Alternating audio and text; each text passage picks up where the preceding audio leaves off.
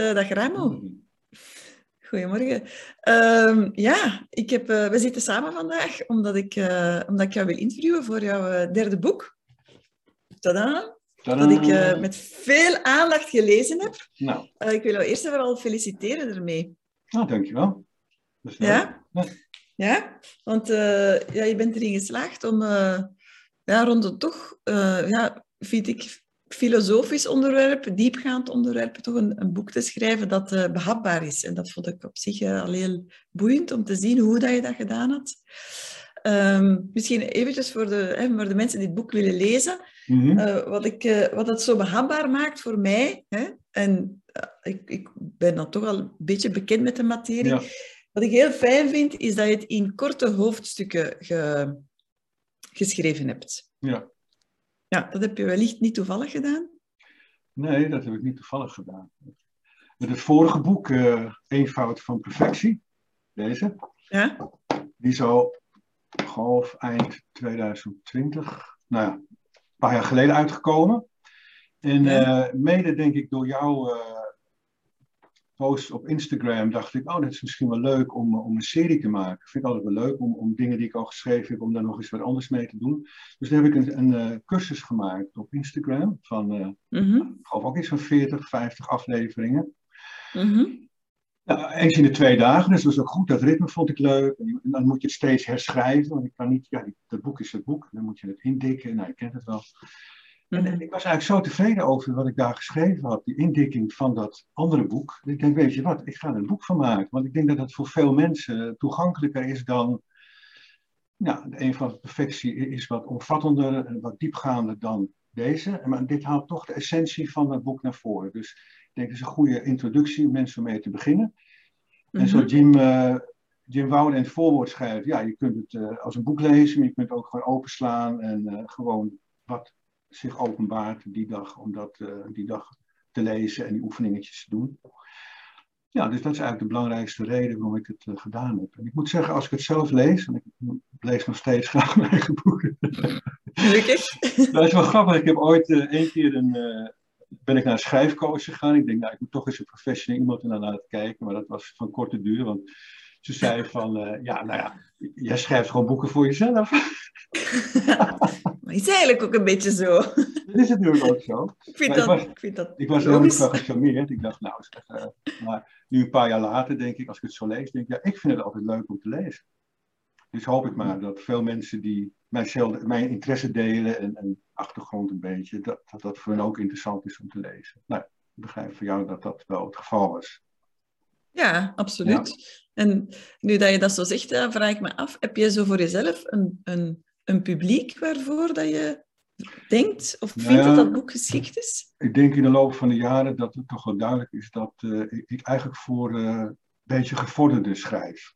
Ik denk voor mensen die, uh, als je kijkt ook op Instagram, dan zijn er toch vaak jonge vrouwen die dan meteen 10.000 volgers hebben, die in mijn optiek, het is niet onwaar wat er staat, maar het, het, ik denk altijd, ja, maar hoe ga je dat dan doen?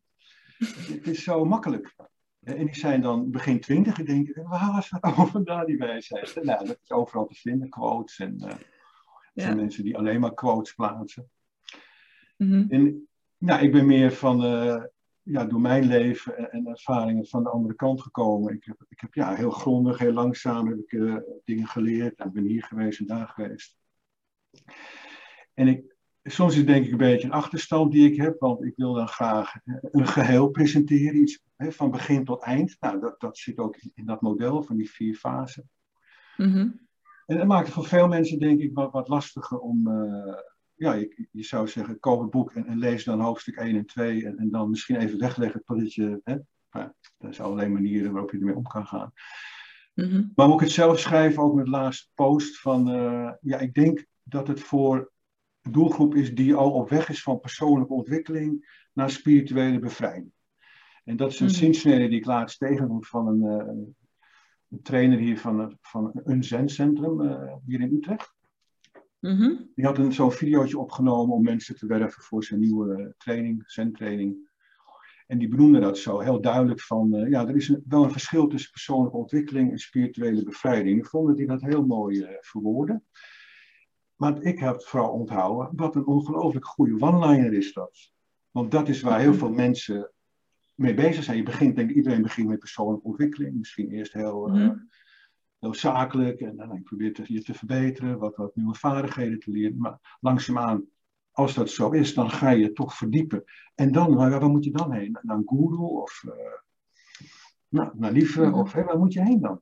En hoe kun je beoordelen of die mensen, ja, of, zo, ja, of ze integer zijn, dat punt één, maar goed. Maar sowieso, hoe kan je beoordelen wat ze aanbieden? Heb je eigenlijk geen kennis van zaken. Dus ik vergelijk dat vaak met je kindertijd. Ja, je, neemt maar aan wat ze je voorschotelen. Mm Pas als je volwassen bent, als je al zo gelukkig bent, dan ga je reflecteren van oké, wat, wat hebben ze er allemaal ingestopt eigenlijk? Nou, ik mhm. heb dat zelf mhm. ook wel meegemaakt. Hè. Ik heb drie uh, belangrijke leraren gehad. Dat schrijf ik ook ergens op het eind, geloof ik, of in het nawoord zelfs. Nou, ik weet niet, ergens in het boek mhm. beschrijf ik dat ook wat, wat duidelijker van. Ja, je, je, hebt gewoon een soort referentie nodig. En nou ja, het is misschien wat uh, ambitieus voor mij, maar ik denk, nou, ik wil graag zo'n referentie maken. Dus niet te specifiek, of school ik natuurlijk heel zwaar leun wel op de gestaltherapie, eh, psychologie en, en Tibetaans boeddhisme. Mhm. maar, ik heb net genoeg kennis, denk ik, van andere stromen. Denk ik, nou, dit is ongeveer wat er moet gebeuren als je daar bent. Dat is ook eigenlijk wat ik, uh, wat ik graag aan wil bieden.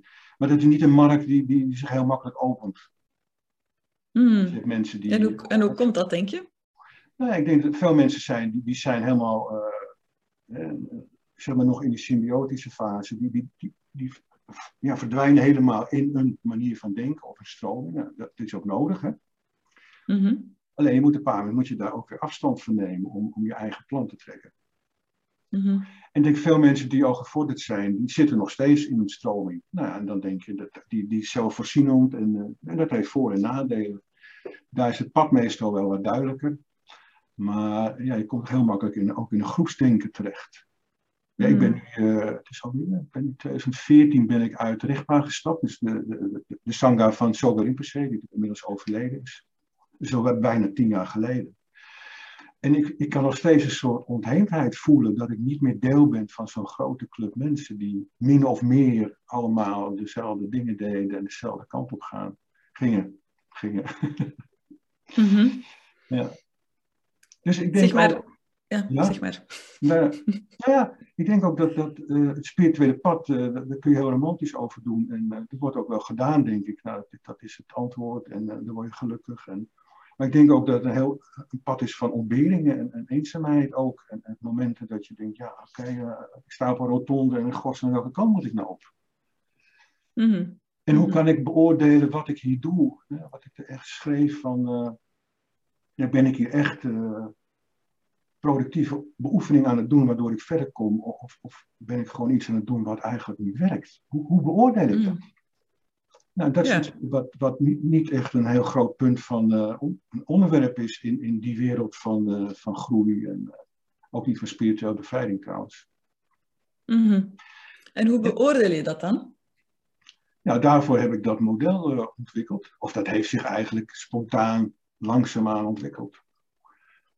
En dus wat, wat, ik zelf ontdekt heb is, kijk het woord reactiviteit, wat, wat, een belangrijke rol speelt in mijn werk en mijn manier van kijken.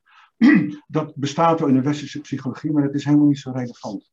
In het boeddhisme is dat een hele sterke, ja, veel voorkomende term. De vooral emotionele reactiviteit. Dus de reflex waardoor je automatisch tot een reactie komt. En die dan ook wel mhm. vaak heel contraproductief is. En toen dacht ik in één keer, want ik was eigenlijk al zes, zeven jaar geleden ben ik begonnen met, met uh, mijn grote boek te schrijven. Maar dat is er nog steeds niet. Er zijn wel die tussenboeken, als, het, als je het zo wil noemen, gekomen. Omdat het vrij complex is wat ik wil. En, en natuurlijk wil ik het dan ook goed doen. En niet uh, flauwekul, maar dan moet je ook echt uh, gedetailleerd, ja, et cetera.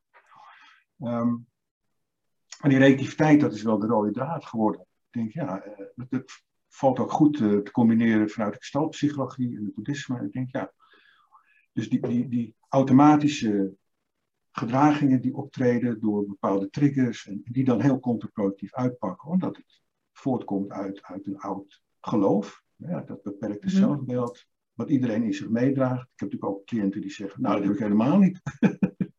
ik zeg, oh, oké. Hmm. Interessant. Nou, als we dat zeggen, dus, dan zeg ik ook wel van, nou, ik ga er niet over discussiëren. Ik zeg maar, als je totaal niet gelooft dat je dat hebt, dan kan ik niet met je werken. Nee. Want dan, dan missen we een, een gemeenschappelijk kader waarin we kunnen bewegen. En dat vind ik ook duidelijk en, en respectvol. Van, ik ga niet iemand overtuigen dat je hebt het wel en dit en Mm. dat. Nee, als, als, als, maar als dat niet aansluit. Maar goed, Mhm. voor mij sluit dat wel heel erg aan. En dus dat is, op een paar moment heb ik gedacht, ja, dat is de rode draad. Dat is, dat is wat alles samenbrengt wat ik gedaan heb. De gestalttherapie en psychologie en, al die andere studies die ik gedaan heb. Boeddhisme en, en mijn Mhm. eigen leven. Ik denk, ja, ik was natuurlijk, en nog steeds, als ik niet oplet, al zelfreactief. Nou, dat is Mhm. vaak helemaal niet zo tof om onder ogen te zien. Ik denk, ik ben gewoon automaat. er gebeurt wat. En, eh, maar ja, verliefd worden is ook een reactiviteit. En, en ha- iemand Ja. haten ook. En als ik dan naar Ja. onze wereldleiders kijk, nou, Poetin, wat hij nou allemaal uitsproken is met Oekraïne, ik denk, ja, het is allemaal emotionele reactiviteit. Maar die man heeft een invloed en macht. Dat heeft veel meer invloed dan wat ik, wat ik kan bijdragen, helaas. Mm. Ja, Die zouden allemaal eh, in therapie moeten, die gasten. misschien zijn, ze, misschien zijn ze dat wel. Nou, maar dan niet eh, bij iemand die leert dat ze reactief zijn. Maar goed. Toen ik het boek aan het lezen was, eh, kwamen er heel veel vragen in mij op. Hè. Dat, Mhm. Ik denk dat dat ook, ik denk dat dat ook Ja. ja, heel waardevol is hè, aan, aan jouw boek. En dat het, eh, ik voelde dat het mij tot, tot nadenken ehm, aanspoorde. Van, ja, nadenken van, ah ja, oké, dat is interessant. Die invalshoek, dat is nieuw voor mij. Anderzijds zijn er ook zaken waar ik denk van, nou, daar wil ik wel eens wat meer over weten, wat hij daar vertelt. en eh, nu dat je dat vertelt van die, hè, van die reactiviteit, in je boek schrijf je op een bepaald moment eh, dat we het midden moeten zoeken tussen bewegen en stilstaan. Je weet waarover ik het heb, hè? Ja, ja, ja. Nou, dan ga je Ja, Dat vond ik... Ja. en dan direct naar de kern, hè? Ja, dat is een lastig onderwerp. Ja. Ja. Ja, nee, dat vond ik eigenlijk eh, heel, eh, heel interessant. En ik voelde bij mezelf onmiddellijk de, de verwarring. Mm. Van, ja maar, ja, maar hoe moet dat dan? Want op het moment dat ik in, dat ik in die beweging zit, dan is het... Allee, ik voelde bij mezelf eigenlijk niet, maar hoe moet dat dan? Ja. ja, dat is heel moeilijk. Ja, dat is heel moeilijk. Je gaat Ja, meteen naar, zeg maar, de, de kern van het hele verhaal natuurlijk. Het leuke van die, die, die fases is dat je begint gewoon, nou ja, je bent opgevoed, dus iedereen heeft fase 1 afgerond. Eh, wel of niet succesvol, dat, dat is te bezien. Ja. Dus iedereen die je tegenkomt, die zit in de tweede fase, de emotionele fase. En, en daar begin je. Mhm. En die vraag die jij stelt, die gaat eigenlijk over de laatste fase, de, re- eh, de realisatiefase. ja. En, eh, maar ik, ik, ik denk nog steeds dat het heel goed is om dat, dat hele pad te beschrijven, ook al ben je daar zelf niet, omdat je toch dingen intuïtief al kan herkennen. En dan weet je ook een Ja. beetje hoe het pad eruit ziet. Ik zeg niet dat mijn ja. interpretatie het absolute pad is, dat is natuurlijk flauwekul, maar het geeft wel een hele duidelijke richting. En daarom is het Mhm. ook goed om erover te lezen. Ehm, Mhm. Maar je hebt het over, over uit de paradox of, of de, de, de dualiteit eh, bewegen en stil, stilstaan. Stilte. Nou, stilstaan is niet het goede woord, hè? Nee, ik weet, hoe heb je het eh, exact eh, verwoord? Ik zou het moeten zien, hè. Ik zou het moeten opzoeken. Ehm heb je dat ik het opzoek? Hier is het. Eh, ja, dus de beweging en stilte van de geest, zo, zo, zo omschrijf je het. Welk nummer is dat? 27, 28? 32. Oh, 32 al. Oh. Ja. ja. het eind van het boek? Always start with the end in mind. smaak. Ja, dat is eigenlijk al de, de, de reflectie over het boek, hè? Ja, ik kom, maar ik kom, allee, ik, ik heb, Nee, ik heb veel vragen, hè, Ja. maar ik kom, eh, ik kom zeker nog terug naar het begin. Maar ik vond dat heel, ja, het voelde voor mij alsof dat, dat de essentie was eigenlijk. Het is ook de laatste. Ja. Oh nee, er is nog eentje daarna. Het direct zien van 32, tegen. ja. Oh, dan nog twee. Ja. Gelijktijdigheid van stilte en beweging overstijgt de Ja. dualiteit. Ja. Ik, ik, ik snap, allee, hoe moet ik het zeggen, ik voel dat dat heel belangrijk is. Ik voel dat in mij. Maar ik voel dan ook onmiddellijk van, wait a minute. hoe? Hoe dan? Want dat lijkt mij net, dat lijkt mij net de grote uitdaging. Mhm. Is, er, is er een specifieke zin in die tekst, in dat stukje waarvan je zegt, nou, da- daar.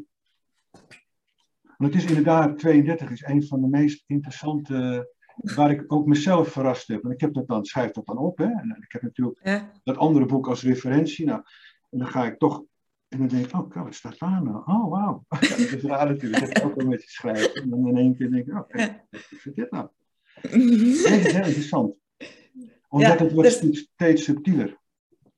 Ja. Wat, wat aan mij vooral... Uh, uh, wat mij vooral intrigeerde was de zin niet doen is die staat van zijn waarin je niets van wat zich aandient probeert te veranderen. Ja, ja mooie zin ja? trouwens. Ja, dat is een mooie zin. Ja. Proficiat daarmee.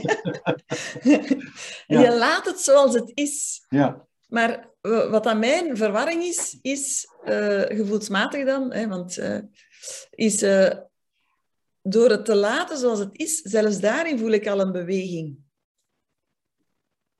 Ja, dat is een hele subtiele. Ja. ja. Er, er is nog iemand die iets laat, bedoel. Ja, dat ja. ja, ja. ja, dat zijn allemaal ja, facetten die steeds subtieler worden. Ja. Eerst krijg je, de, als je therapie gaat, is er wat grovere uh, verwerking van dingen en onder ogen zien. En dan heel langzaamaan ga, ga je in een meditatief gebied. En dan, nou, dit is dan hè, het, laatste, het eind van het boek. Dus dan zit je al in de hogere regionen van, van beoefening. Mm. En dat wordt steeds mm. subtieler. En dan red je het eigenlijk niet meer met, uh, met concepten. En dat is een heel lastig mm. gebied, want we zijn zo vereenzelvigd met, met de conceptuele wereld. Mm. Ja, hoe kom je daar nou, hoe schrijf je daar dan over? Mm. Want schrijven zijn concepten, dat is altijd zo. Hè? Er zijn woorden en nou, dat is het medium waarmee je dan communiceert. Dus je moet mm-hmm. eigenlijk met die woorden iets, iets kunnen aanraken wat een directe ervaring oplevert, zonder dat de lezer er nog eens over na moet gaan denken. Nou, dat is mhm. niet zo makkelijk.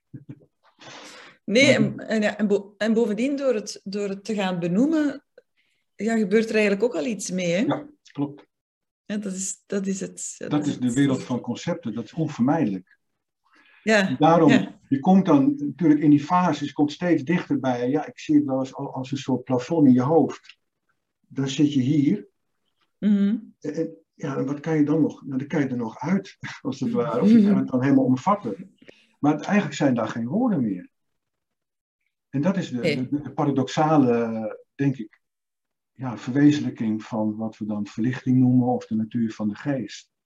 Mm En die proberen het toch in taal te vatten. Dus dan is de uitdaging om die taal zo te maken dat, dat het onmiddellijk een ervaring teweeg brengt waar jij niet meer over na hoeft te denken. Nou, dat is, dat is reuze mm moeilijk. Echt hele grote leraren, die zijn daar natuurlijk heel goed in. Er zijn ook traditionele vormen voor. Mm Wat teweeg te brengen, dat je eruit komt.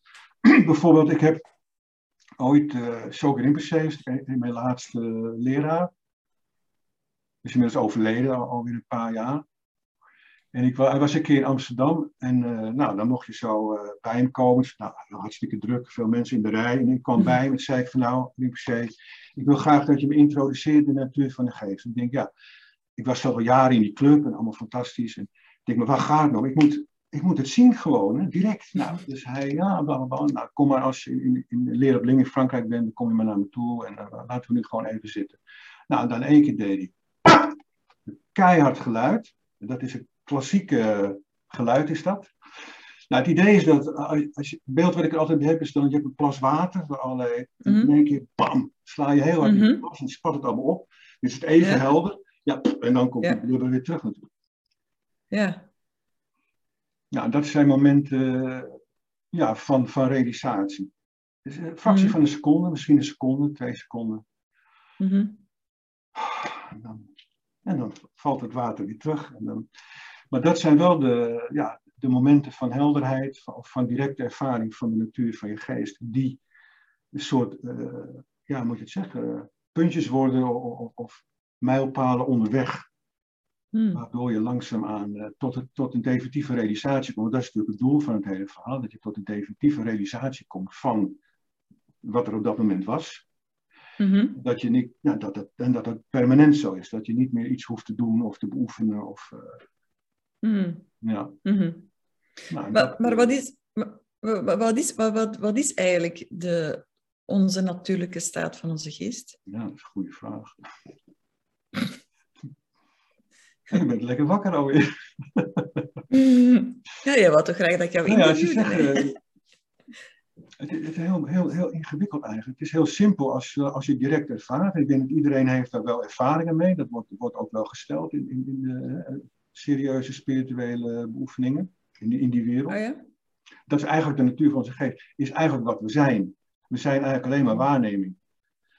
En Ja. nou, door, door dat we op, opgroeien en allerlei dingen leren, kom, komt daar uh, ja, een soort, wij noemen het een ego, of, of er komen dingen die handig zijn om, uh, in de wereldje te bewegen en die gaan al mm. vrij snel dat, die natuur overvleugelen. Die, die, verduisteren dat als het ware. Nou, en dan moet je later, als je volwassen bent en het, die, die, ontwikkeling is min of meer afgerond.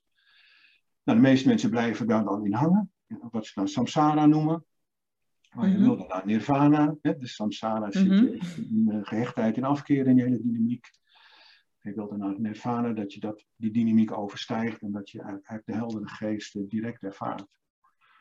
Ja, daar is toch heel veel beoefening voor nodig. Er zijn natuurlijk ook stromingen die dat niet geloven. Die zeggen van, uh, Advaita Vedanta heeft dat een beetje. Van nou, flauwekul. de, de satsangwereld die heeft dat heel van, nou, dat kan je gewoon onmiddellijk regelen. Geen probleem. Mm. Nou, de, de, de, meningen zijn daar verdeeld ook. De westerse Advaita Vedanta, dat noemen ze ook wel de Neo-Advaita Vedanta. Maar goed, laten we niet te veel in uh, details treden over andere stromingen. Mm -hmm. um, dus, dus is dat, moet ik mij dat dan voorstellen als een soort van kalmte of net niet? De natuur, hè? mijn natuurlijke staat van ja. mijn geest, is dat dan kalmte?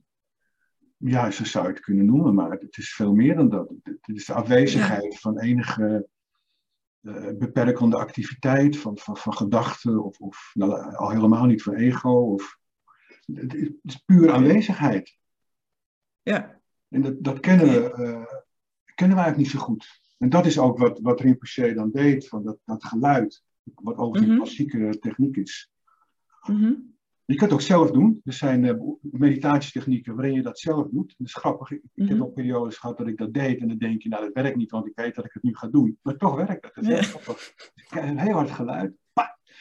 Dus als het ware, ik moet wel eens denken aan... Uh, hoe was het ook alweer in de tijd van Jezus, dat, dat ze door de Rode Zee trokken?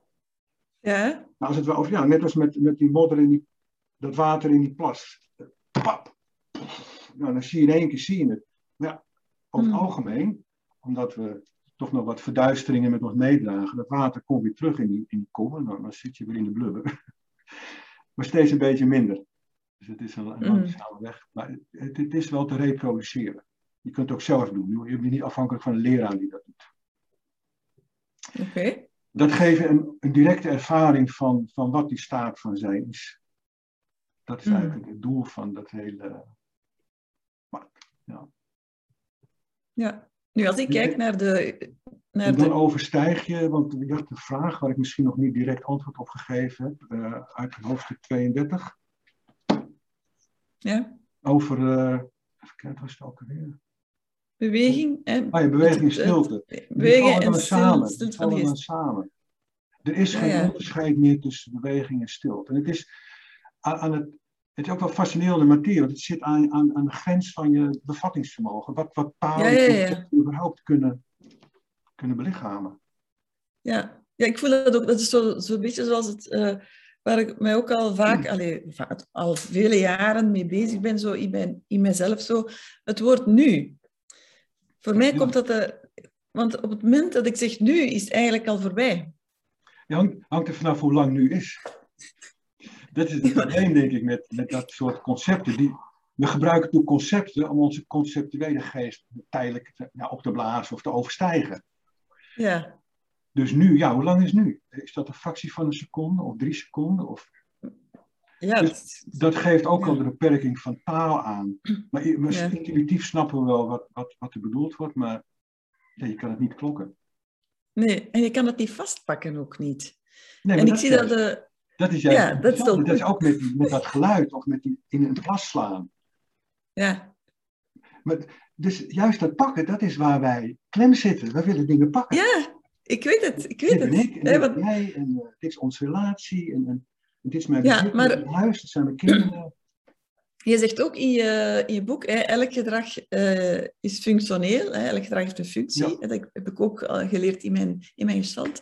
Ja. Um, maar wat is daar dan de functie van, dat we dat zo graag willen vastpakken? We willen ook hokjes, we willen termen erop plakken, we willen, hè, zoals in relaties ook, hè, uh, als het niet in het klassieke kader past, ja, maar wat hebben we dan? Wat hebben we dan? Ja, controle. Wat, controle. controle. We zijn, ik denk als je naar onze conditie kijkt, we worden geboren ja, waarom weten we niet. En waarom bij deze mensen, onze vader, moeder, eventueel broers, is, weet je, je bent er in één keer en je groeit op en je vindt dat normaal. Maar waarom weten we eigenlijk niet? Nou, er zijn allerlei theorieën over en, religies.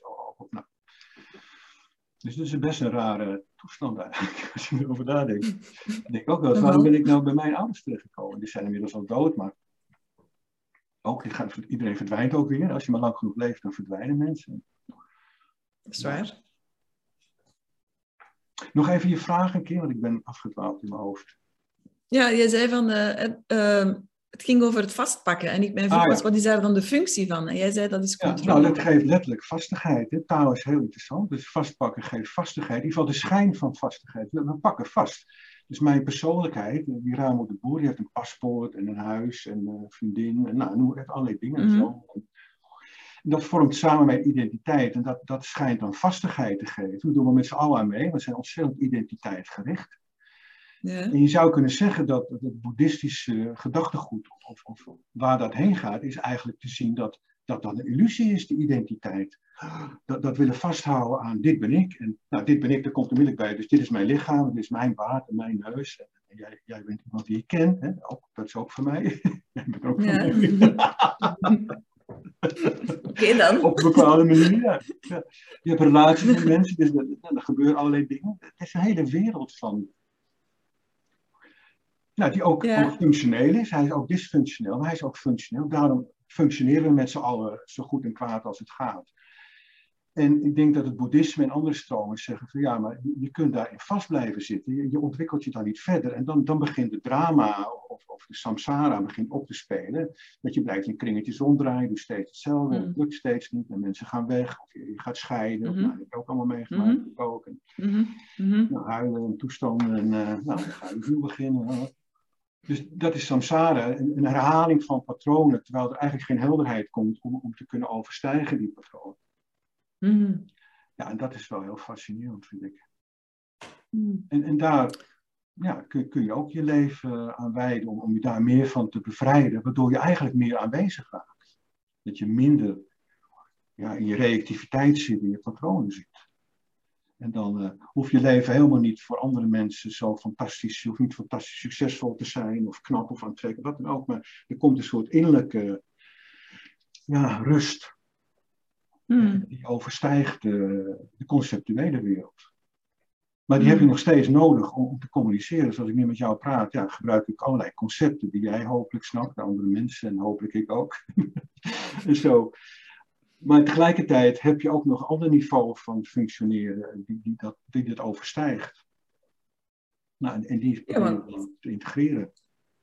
Want die concepten en, en onze neiging om zaken te begrijpen is toch ook heel menselijk, denk ik. Heel menselijk, ja. Dat is waar we op draaien. Ja.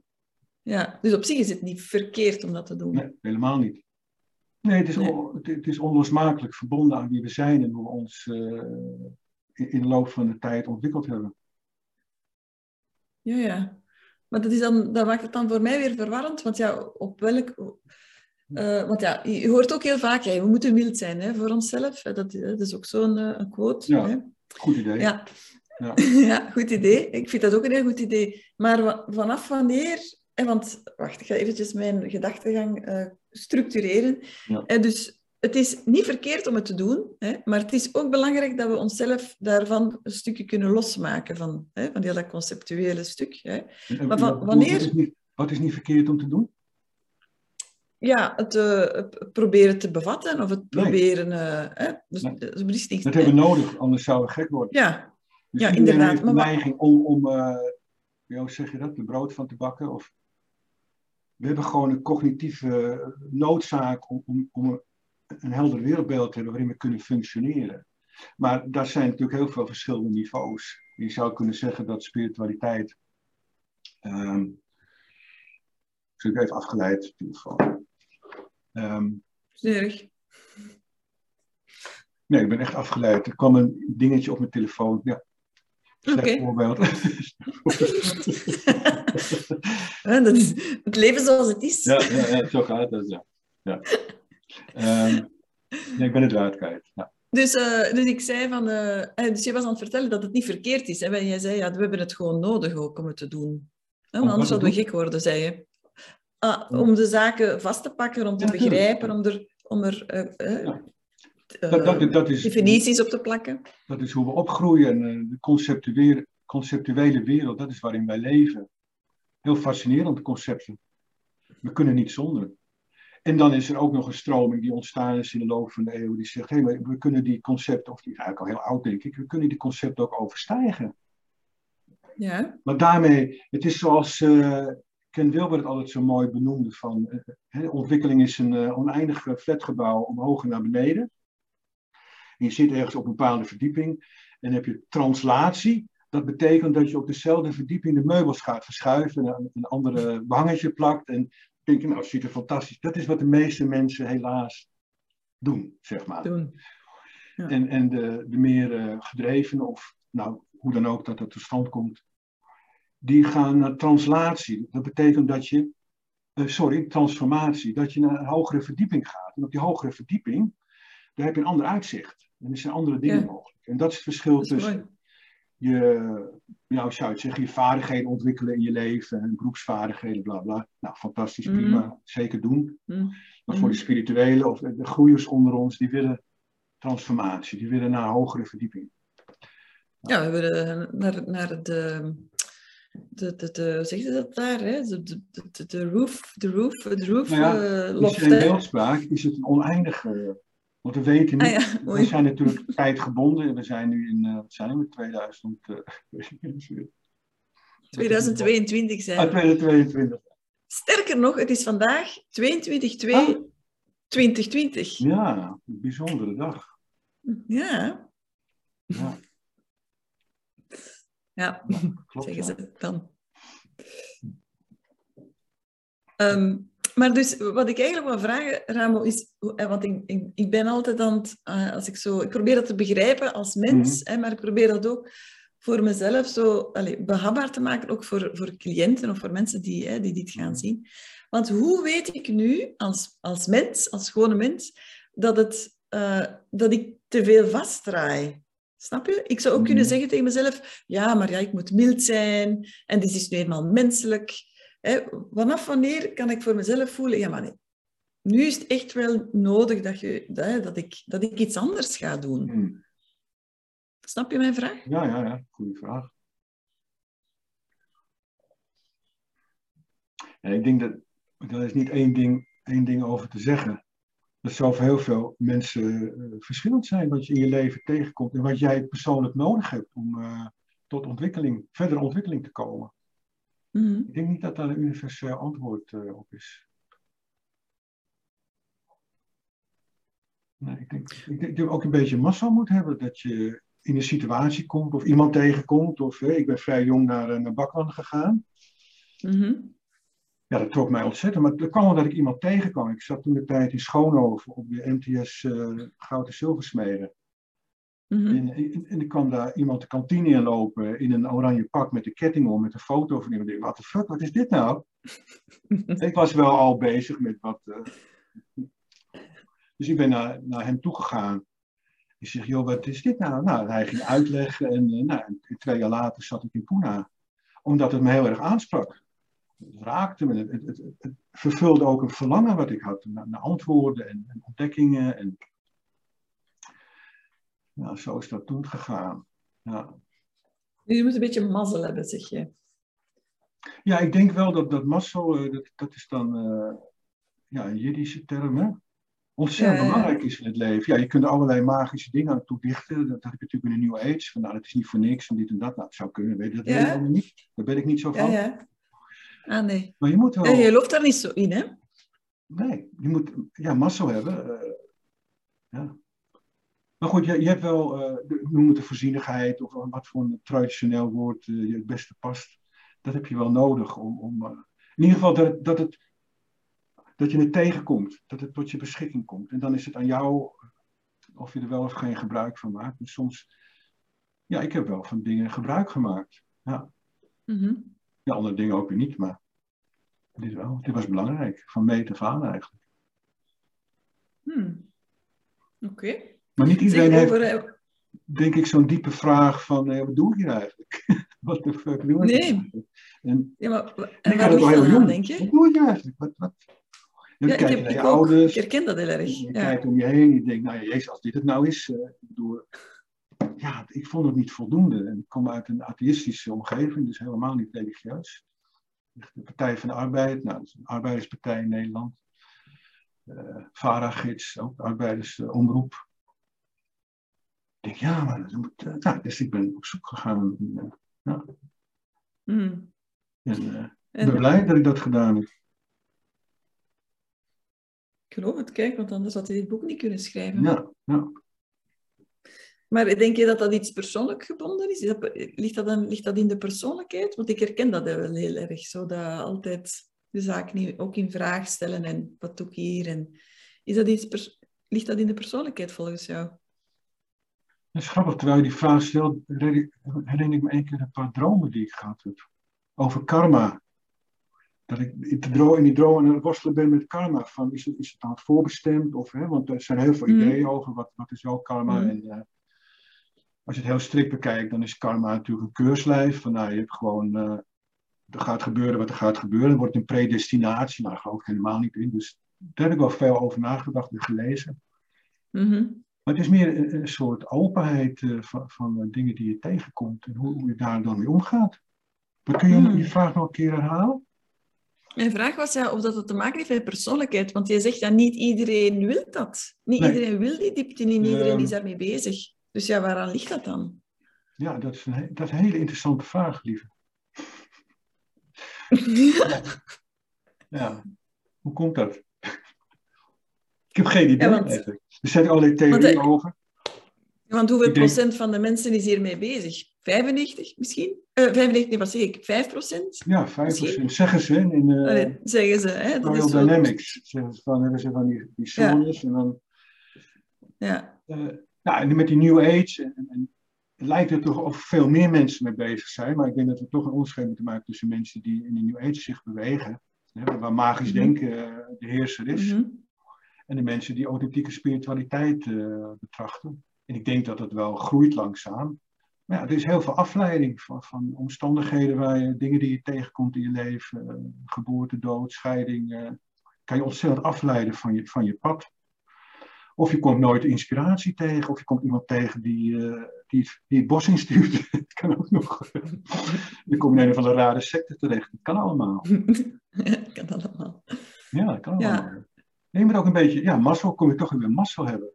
Dat je, oh, ja. dat je iemand tegenkomt of een boek tegenkomt wat, wat echt authentiek je goed inspireert en je echt verder helpt. In plaats van dat het je van de regen in de drup uh, helpt. Wat natuurlijk nou, traditioneel en historisch best wel vaak gebeurt, is dat mensen in een of andere stroom of secte terechtkomen van je achteraf denkt, oh mijn god, mm-hmm. hoe ben ik hier, hoe kom ik eruit? Mm-hmm. ja.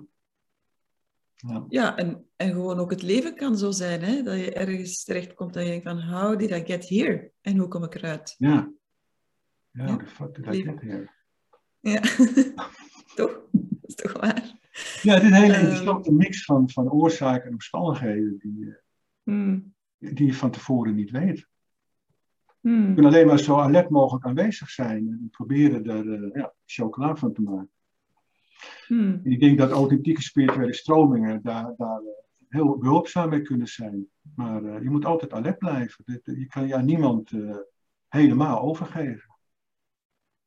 Net zo de Mm. Rinpoche, ja, die deed ook rare dingen. Mm-hmm. Al die leraren, die, uh, niet allemaal, maar ja, als je zoveel invloed hebt en macht hebt, dan moet je van goede huizen komen om uh, gewoon normaal te blijven doen. En als iedereen Ja. denkt, oh, je bent fantastisch. En, uh, nou, dat heb je als iemand verliefd op je is, dan kan je het een beetje voelen. Ja, ja, ja. Je denkt, oh, wauw. Hm. Ja, ik vind dat die persoon zelf helemaal niet zo aantrekkelijk, maar het feit dat ze verliefd zijn op jou, dat, dat geeft al... eh, ja. Dat is de kracht van, van projectie. Mm Ja, ik vind dat je daarin dan een hele grote verantwoordelijkheid wel ja. hebt. Allee, ik voel dat zelf. Hè, dat ik... Ja, want je hebt inderdaad, je krijgt macht. Hè. Mensen geven jou macht ook. Ja. denk ik van... Ja. Zeg, uh, ik wil nog eventjes naar je boek, hè. Ja, dat is goed. Want er was iets... Ja. uh, ik zit op, in hoofdstuk 11 en dan gaat het over de, de, de, dat de eerste, je schrijft daar, gaat even lezen, de eerste 25 jaar veranderen wij enorm van baby tot volwassene, ja. met nauwelijks bewuste invloed op de inhoud en de kwaliteit ervan. Ja. ja? En ik, was, uh, ik las dat en ik dacht, nou, dat, is, uh, dat, dat zal zeker zo zijn, maar dat zijn wel de jaren waarin we kiezen wat dat we gaan wat dat we willen worden. We kiezen onze studies daarin. Ja. We kiezen vaak ons eerste lief daarin. Ja, en dan... Uh, we zijn dan... Hè, we, ja. ja. Kies je dat maar, of overkomt je dat? Ah ja. maar wat... Heel goed maar, uh, ja. Wat is pas aan het eind, hè? je zegt pas aan het eind van de adolescentie, begin 20, hè? het brein ontwikkelt ook tot ongeveer 25, ja. heb ik altijd gelezen. Ja, klopt. En dat we daar meer invloed op krijgen. Um, maar ja, dan vraag ik me af, ja, zitten we dan wel, kiezen we dan eigenlijk wel in de juiste fase in ons leven een beroep, bijvoorbeeld? Nee, natuurlijk niet. Nee, hè? nee. Maar we zitten er dan wel mee. Zo traditioneel ontstaan dat je, nou, je begint bij de middelbare school, dan moet je, ik weet niet of het in België is, maar dan moet je een vakkenpakket kiezen. Tenminste, dat is ja. zo. Of een stroming. Nee, je moet natuurlijk allerlei keuzes maken op, op momenten in je leven dat je ja, vanuit een ander perspectief gezien daar nog helemaal geen zicht op hebt en niet klaar voor bent. En, uh, en dat zie je ook wel veel vaker nu. Ik heb van mijn praktijk uh, behoorlijk veel jongere mensen, zo van rond de twintig. Ja, en de meesten zijn al met een tweede of derde studie bezig. Want ja, ze weten het niet. En, uh, en die studies, ja, dat zijn ook weer commerciële producten van, van hogescholen, universiteiten. Die, ja. Het is een hele rare samenspel van, van invloeden en factoren en, en, hoe je daarop resoneert. Nou, dat is in jouw leven zijn, maar dat is in mijn leven ook zo. Ik ben begonnen met, uh, met, zilvers, met goud en zilversmeden ooit. Mm -hmm. Toen naar de kunstacademie en toen uh, naar India. Nou, nou ben ik uh, ja, al heel lang trainer, therapeut, schrijver. Mm -hmm. Mm -hmm. Ja, ik ben ook gestart als... ja, dat is niet mijn als leer, leerkracht. beroepsopleiding, ja. ja. ja. Um, maar als ik dan eventjes kijk naar de huidige uh, geest, hè, de geest in de, het huidige klimaat, ja. de tijdsgeest. Hè. En ik weet niet of dat bij, bij jullie in Nederland is, maar uh, in België is er op dit moment heel veel te doen rond het mentale welzijn van jongeren. Ja. Hè, dat het, heel veel jongeren zich eigenlijk heel, helemaal niet, niet, niet lekker voelen. Ja, heel veel depressie. Ook. Ja. ook met de corona en zo. Ja. Um, dan vraag ik me af, ja, als ik jouw uh, visie daar, daarbij plak... Hè, nou, graag. Ik ben benieuwd. Ja, hè, want uh, dat, daar... ik denk dat het ook belangrijk is om... Hè, want dit is... Ik vind, het, ik vind het een heel waardevol, boek, echt waar. Mm. Maar ik, ben ook heel, ik, ben heel, ik heb een heel praktische geest ook. Van, ja, maar wat, hoe kunnen we dit nu gaan... Hè, die, al deze kennis nu gaan gebruiken om, Mm. hè, om die jongeren bijvoorbeeld hè, te helpen of, of meer ja, op een of andere manier een, ehm, een draagvlak te geven. Ja. Dus als, je, als jij dat zou samenbrengen hè, en, Mm. en je zou daarin, hè, je, sprak over invloed, hè, en Mhm. over, eh, over impact. Hè, wat zou je dan willen meegeven aan onze jongeren? Mm. Hmm. Ja, dat is natuurlijk een gigantische groep jongeren, met een heel, heel diverse groep. Mhm. heel veel verschillende milieus, met verschillende eh, cognitieve en intellectuele vermogens. Mhm. Maar ja, wat zou ik mee willen geven? Ik denk dat je structureel dan het onderwijs eh, anders moet inrichten. En eh, als je het hebt over, over geestelijke ontwikkeling, nou, dan begin maar op de kleuterschool dan met mediteren, wat mij betreft. Dat zou een hele Oh, goede ja. verbetering zijn. Dat mensen leren om ja, al heel, heel jong al rudimentair te ervaren van hé, ik ben niet mijn geest of mijn lichaam. Nou, dat kun jij langzaam opbouwen. En, eh, dat zou de samenleving denk ik heel erg verbeteren. Omdat je dan door die afstand, ja, als je het afstand moet noemen, krijg je wat Mhm. overzicht en inzicht. En ben je meer in staat om jezelf te managen. En als je daar al jong Mhm. mee begint, Nou, dan heb je daar als volwassene natuurlijk heel veel profijt van. Wij zijn qua op het gebied van self-management zijn we gewoon kleuters.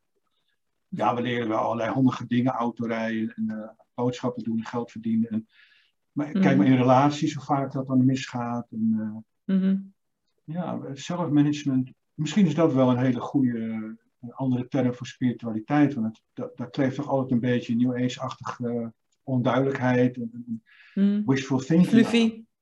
Mm hoe, hoe kun je tot uh, ja, goede zelfmanagement komen? En wat is dat dan? Wat is dan dat zelf wat gemanaged moet worden? Maar dat geeft aan, als je het op die manier uitlegt, dat het zelf iets is wat gemanaged moet worden. Dat het geen entiteit is uh, die jij bent en waar je verder niks aan kan doen. Nee, die moet gemanaged worden. Ja, door wie dan? Ja, dan kom je op een interessant gebied. Mhm. We hebben daar wel invloed op. Mm. ja. Mm. En we staan er toch wel alleen voor, denk ik, in de zin van dat je op school, ik denk nog steeds niet, daar veel over leert. De school is toch heel praktisch om een waardevolle lid van de samenleving te worden. En dan hebben we vuilnismannen nodig en professoren en uh, schoonmaken, weet ik veel het is veel te pragmatisch, te, te plat allemaal. Mm. Je moet ontzettend veel op school zitten. Je zit tot, als je mhm. studeert, zit je 4, 25. Nou, als je promoveert, nog veel langer, maar ongelooflijk, zit wel lang op school. Hè? En wat ja, je daar nou eigenlijk? De wet van Pythagoras. Ja. A, B, C, kwadraat. Ik Nee, ik ook niet. nou, dat zou wel veel beter kunnen. Maar als ik in Nederland kijk, dat, het altijd gezeik over het onderwijs en geld. En, Het schiet hmm. gewoon niet op, die hervorming. Het, is nog steeds... Mm. wordt eigenlijk alleen maar erger, vind ik. Dus het, eh, hoor ik jou nu zeggen dat het trainen van aandachtig aanwezig kunnen zijn, is dat, is dat heel belangrijk? Dat is de basis, denk ik. Ja. Als je niet, niet in staat bent om uh, ja, zeg maar je waarneming waar te nemen, dan blijf je een eh, speelbal van omstandigheden, van emoties en van uh, reflexen. Eh. Nou, die zijn wel functioneel, zeker als je jong bent, als ze zich ontwikkelen. Maar ik denk dat het, ja, moet je dat zeggen, net met de raket, die heeft trappen. Een paar moment is die trap uitgebrand, ja, dan moet hij eraf. Dat gebeurt ook letterlijk in de ruimte. Dan krijgen je ja. ruimte rotzooi, maar goed. Of ze verbranden in de dampkring. Dus ja, ik denk dat we dan stagneren langzaam. Omdat we het niet, niet echt achter ons kunnen laten. Dat we niet verder komen. Mm. Er, is, er is geen eenduidige visie in de samenleving. Ja, heb je misschien een dictator voor nodig, dat weet ik niet. Maar er is geen eenduidige visie hoe wij ons met ons allen uh, verder zouden moeten ontwikkelen. Er zijn heel veel stromingen, heel veel spirituele stromingen, nou, heel veel New Age. Wat, wat wel iets brengt, maar veel te weinig. Mm Dat mensen niet echt bevrijdt, maar uh, ja, er is nog heel veel te doen. En er is al heel veel kennis, en al eeuwenlang. Maar ja, wat, wat heeft het ons als wereldbevolking gebracht? We exploderen, de wereldbevolking explodeert. En, nou, er moet heel hmm. snel wat gebeuren. Ook met die opwarming en zo, denk ik, nou, hoe lang hmm. duurt dat nog eigenlijk voordat we. Ja. ja, voordat er actie wordt genomen. Ja, of dat het gewoon maar, is. Ja, ook ja. Nu, die aandacht, uh, I totally get it. Ik, eh, ik, ik, ik, snap, ik snap helemaal wat je zegt. Ik, ik, ik probeer dat ook al vele jaren. Ja. Maar tegelijkertijd is het ook heel moeilijk, want ons brein... Er, er gebeurt zoveel in ons brein eigenlijk. Hè. We, mm. we worden ook hormonaal gestuurd. Allee, ons reptiele brein dat eigenlijk als een raket uh, van ons overneemt. Uh, dan hè, ons emotionele brein met dopamine en zo.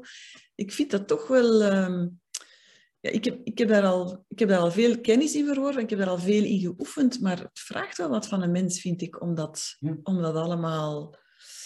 Ja, ik, ik zou het willen noemen onder controle te krijgen, maar dat is niet, al niet het juiste woord. Hè? Het is gewoon om daar, hmm. om daar minder door beïnvloed te worden. Ik vind dat echt wel heel moeilijk. Ja.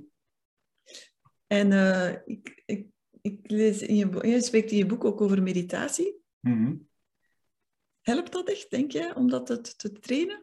Ja, denk ik wel, ja. ja.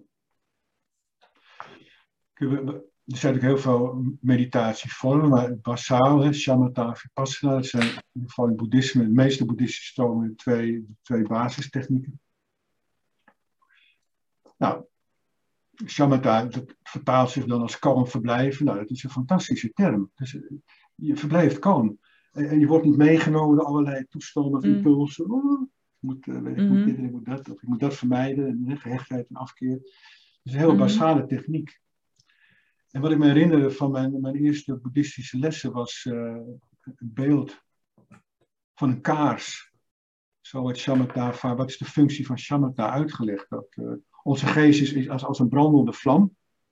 Mm -hmm. buiten die kaars natuurlijk op kan branden, maar dat, daar ging dit niet over. Uh, mm -hmm. En als die vlam te veel flikkert, dus ja, dan krijg je geen helder zicht, want die kaars staat dan voor een, een beeld. Mm. Dus die, die, die flikkering die moet tot rust gebracht worden. Dat is wat je met shamatha meditatie, kalm verblijven. En tegelijkertijd, als die, die uh, vlam tot rust komt, dus stabiel wordt, hè, dat is heel mooi. Als je een vlam ziet, dan beweegt hij helemaal niet. Het vipassana is, is helderheid. Dus dat betekent dat als die vlam tot rust komt en stabiel brandt, dan geeft die, verlicht die de hele werkelijkheid. Met, met een helder soort helderziendheid, niet die magische helderziendheid, maar dat je helder ziet voor wat het is. En dat vind ik zo'n mooie beeldspraak. En, uh, maar dat, dat vraagt uh, zeker in het begin heel veel inspanning om, om tot een regelmatige uh, meditatieoefening te komen. Mm-hmm. En nou ja, alles wat ik ervan weet ondertussen. ik heb ook periodes dat ik niet mediteer. Dan ben ik toch door een of andere manier te veel afgeleid door andere zaken. Maar ik keer wel steeds weer terug daarna. En ja, ik, ik, lees er nog steeds over en ik luister nog steeds naar lessen. Volgens Ellen Wallace erover. Ja, het is zo subtiel. Mm -hmm. Ik heb uh, nog uh, een interessante zin uit jouw boek. Het idee dat gebeurtenissen plaatsvinden omdat wij dat willen, nemen we mee naar onze volwassenheid. Dat is magisch denken. Ja, ja. Dat is een goed denken. Dan denk ik van, en ik voelde bij mezelf het idee, hè, dus het idee dat gebeurtenissen plaatsvinden omdat wij dat willen. En ik zo, ja, is dat dan niet zo? zo? Nog eens, probeer hem eens te her, her, herwoorden, die vraag. Ja, wel, mijn idee is dat dat, dat dat zo is, dat wij bepalen toch wat er gebeurt. Hoezo bepaal jij wat er gebeurt? Dat is, dat is almacht. Exact. Dat is almacht, toch? Ja, Exact. Maar daar gaat het, de, de maakbaarheid van de, van, de, van de maatschappij gaat daar toch over? Nou, dat is wel iets wat we nastreven, totale controle. Maar ik denk het hele verhaal, of het nou spiritualiteit is of meditatie, het gaat allemaal om je uiteen te zetten.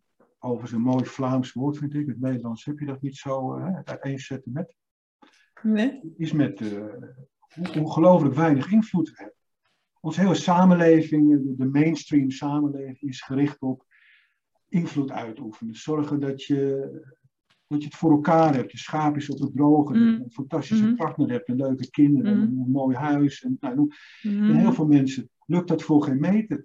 Ja, eigen schuld, dikke bult zeggen we dan in Nederland. Het is veel te kort op de bocht. We maken het gewoon zo plat allemaal. En, en ja, we hebben, eh, we hebben wel invloed, maar die invloed zit meer in onszelf op onszelf, wat ook nog niet zo makkelijk is, dan op de omstandigheden. Omstandigheden kunnen meezitten, tegenzitten, hebben wel wat invloed, maar veel minder dan ons toegedicht wordt en waar je op afgerekend wordt. Oh, ben je niet hmm. succesvol? Nou, dan, uh, hè? En dan word je alleen maar on hmm. onsuccesvol van. Druk je nog even iemand uh, de modder in. Ja. Ja, nu, uh, oké, okay, ik, ik, ik, ik volg jou, ik volg jou daarin. Tegelijkertijd hè, neem ik aan dat je je boek toch ook geschreven hebt omdat je mensen wilt helpen, hè?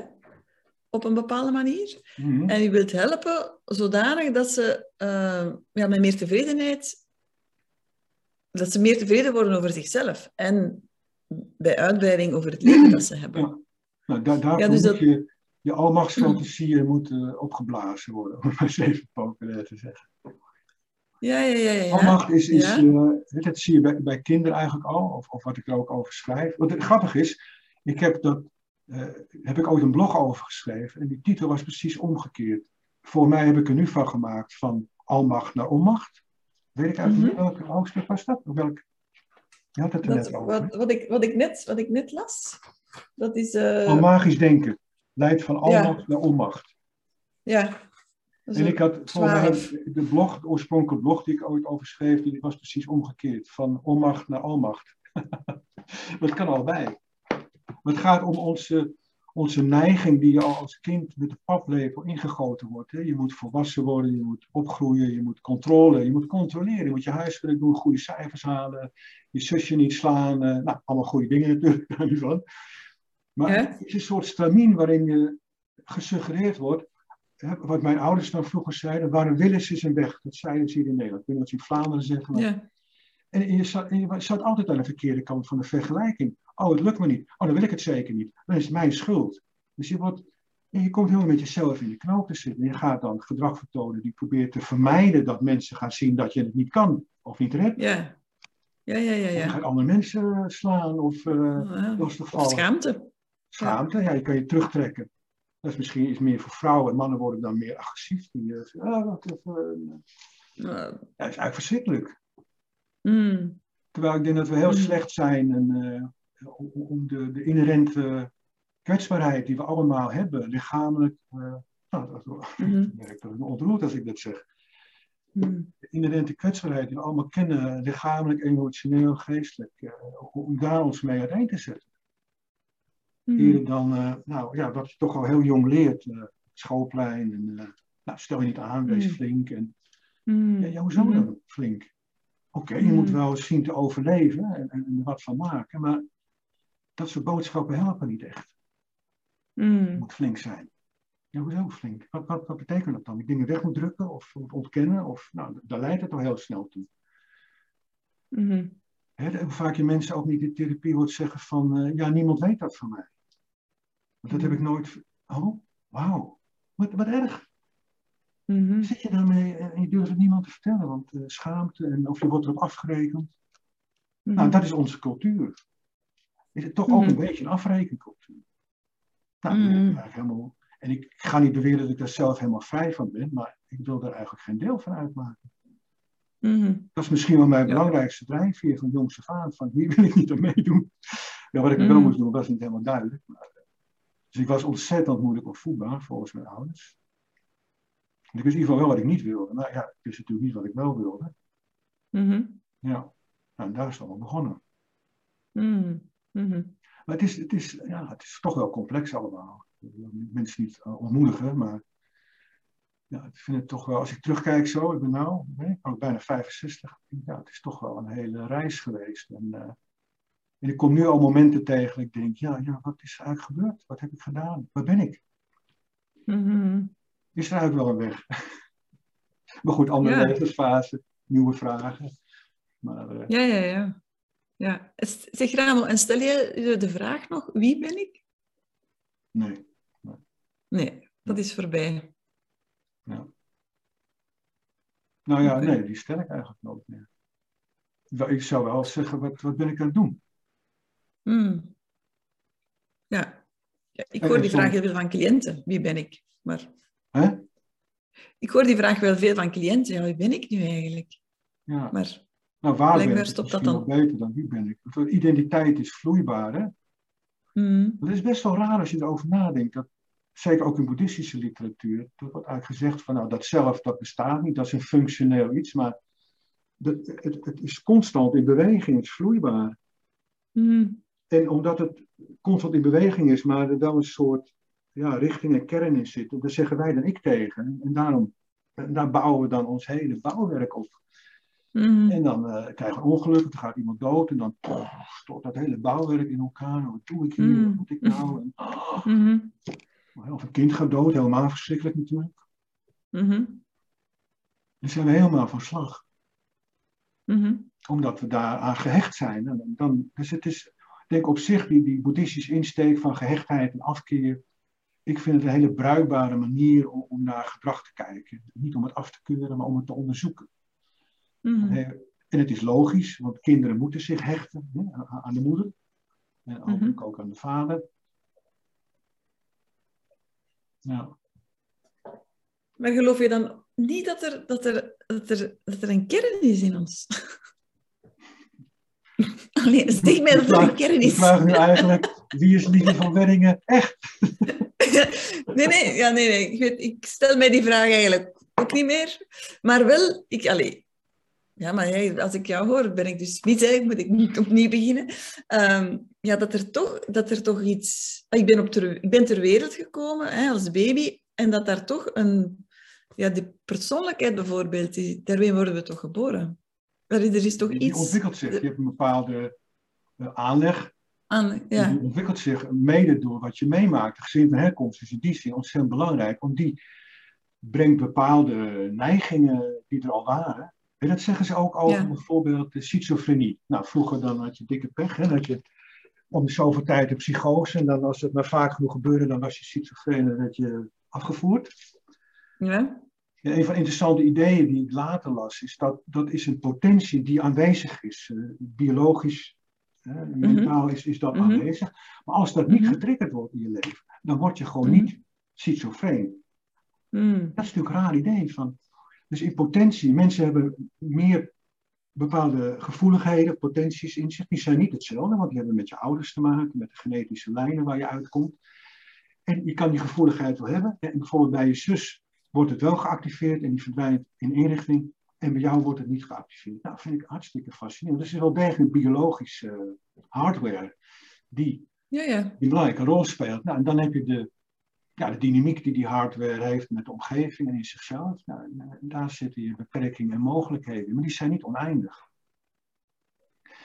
Ik weet ook niet precies waarom ik, eh, als ik kijk naar mijn gezin van herkomst, waarom ik nou, uh, nou laten we zeggen, zo op zoek ben gegaan, spiritueel op zoek ben gegaan.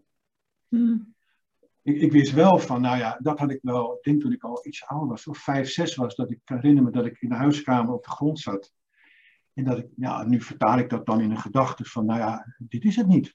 Als dit het is, dan hoeft het voor mij niet. Ja, een mm. gedachte voor een zesjarige.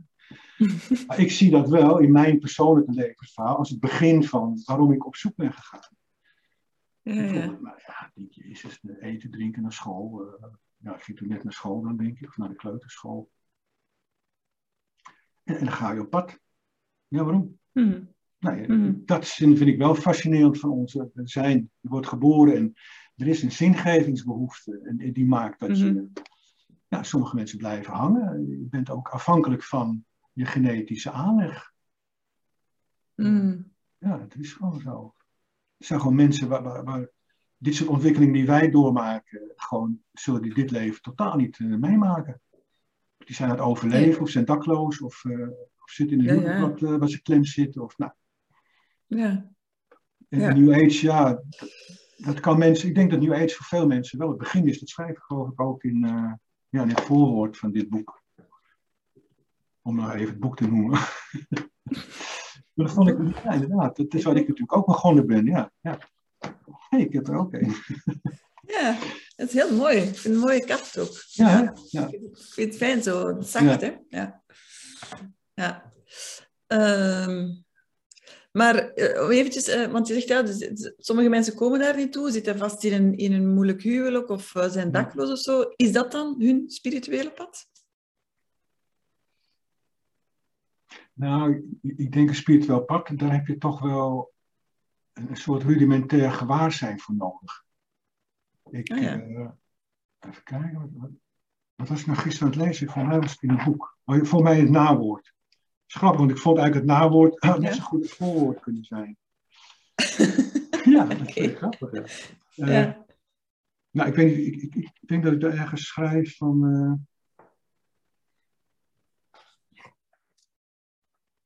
Ja, ik weet niet waarover je het hebt natuurlijk. Nee. Maar... Ja, je, je, hebt gewoon, gewoon massa nodig dat je dat, je dat tegenkomt. Dat, dat je even een ander perspectief. Dat kan ook spontaan gebeuren. Ik denk dat heel veel mensen hebben wel momenten van realisatie, van helderheid. Mm Die mhm. zijn spontaan en die verdwijnen dan gewoon weer. Ik vond ook een hele goede definitie. Wat is nou de definitieve staat van, van verlichting of van ontwaking? Mm Dat is dat die momenten permanent zijn geworden. je, je, we kunnen een gesprek hebben of je zit te mediteren en denk je, wow, je ziet het, punt. Nou, wat je dan ziet, moet je niet over hebben, maar en eigenlijk alle beoefening, die, die, is bedoeld uiteindelijk om die staat, om die momenten van helderheid, van, van verlichting, om die permanent te mhm. maken. Dat is eigenlijk waar de oefening over gaat. Nou, sommige mensen hebben daar meer talent, of, of voor mij wat noem ik karma uit vorige levens. Waar ik, mm -hmm. je moet het ook niet te exotisch maken, want dan haken veel mensen af. Mhm. Ik denk dat, dat het gezin waar je, de ouders waar je uit geboren bent en omstandigheden waar je in opgroeit, dat die heel bepalend zijn voor je spirituele ontwikkeling. Mhm. Het kan ook zijn mensen die heel moeilijke jeugd hebben, zware jeugd hebben, en die dan ergens getriggerd, dat die als een speer gaan. Kan ook. Mhm. wij komen denk ik uit, uit behoorlijke middenklasse gezinnen met, eh, met behoorlijk opgeleide ouders en dat zijn er zelf ook. Nou, dat is een Ik beetje... niet. Nee? Oh, nou. Ik niet. Arbeidersgezin. Ja. Ja? Arbeidersgezin. Nee, arbeider. we- we- we- Mijn, mijn ouders wa- waren... Mijn vader was bakker. Oké. Dus ja. Nou, Ja. Kijk eens aan. nou ja, in ieder geval, ik kom wel uit een middenklasse gezin. Ja.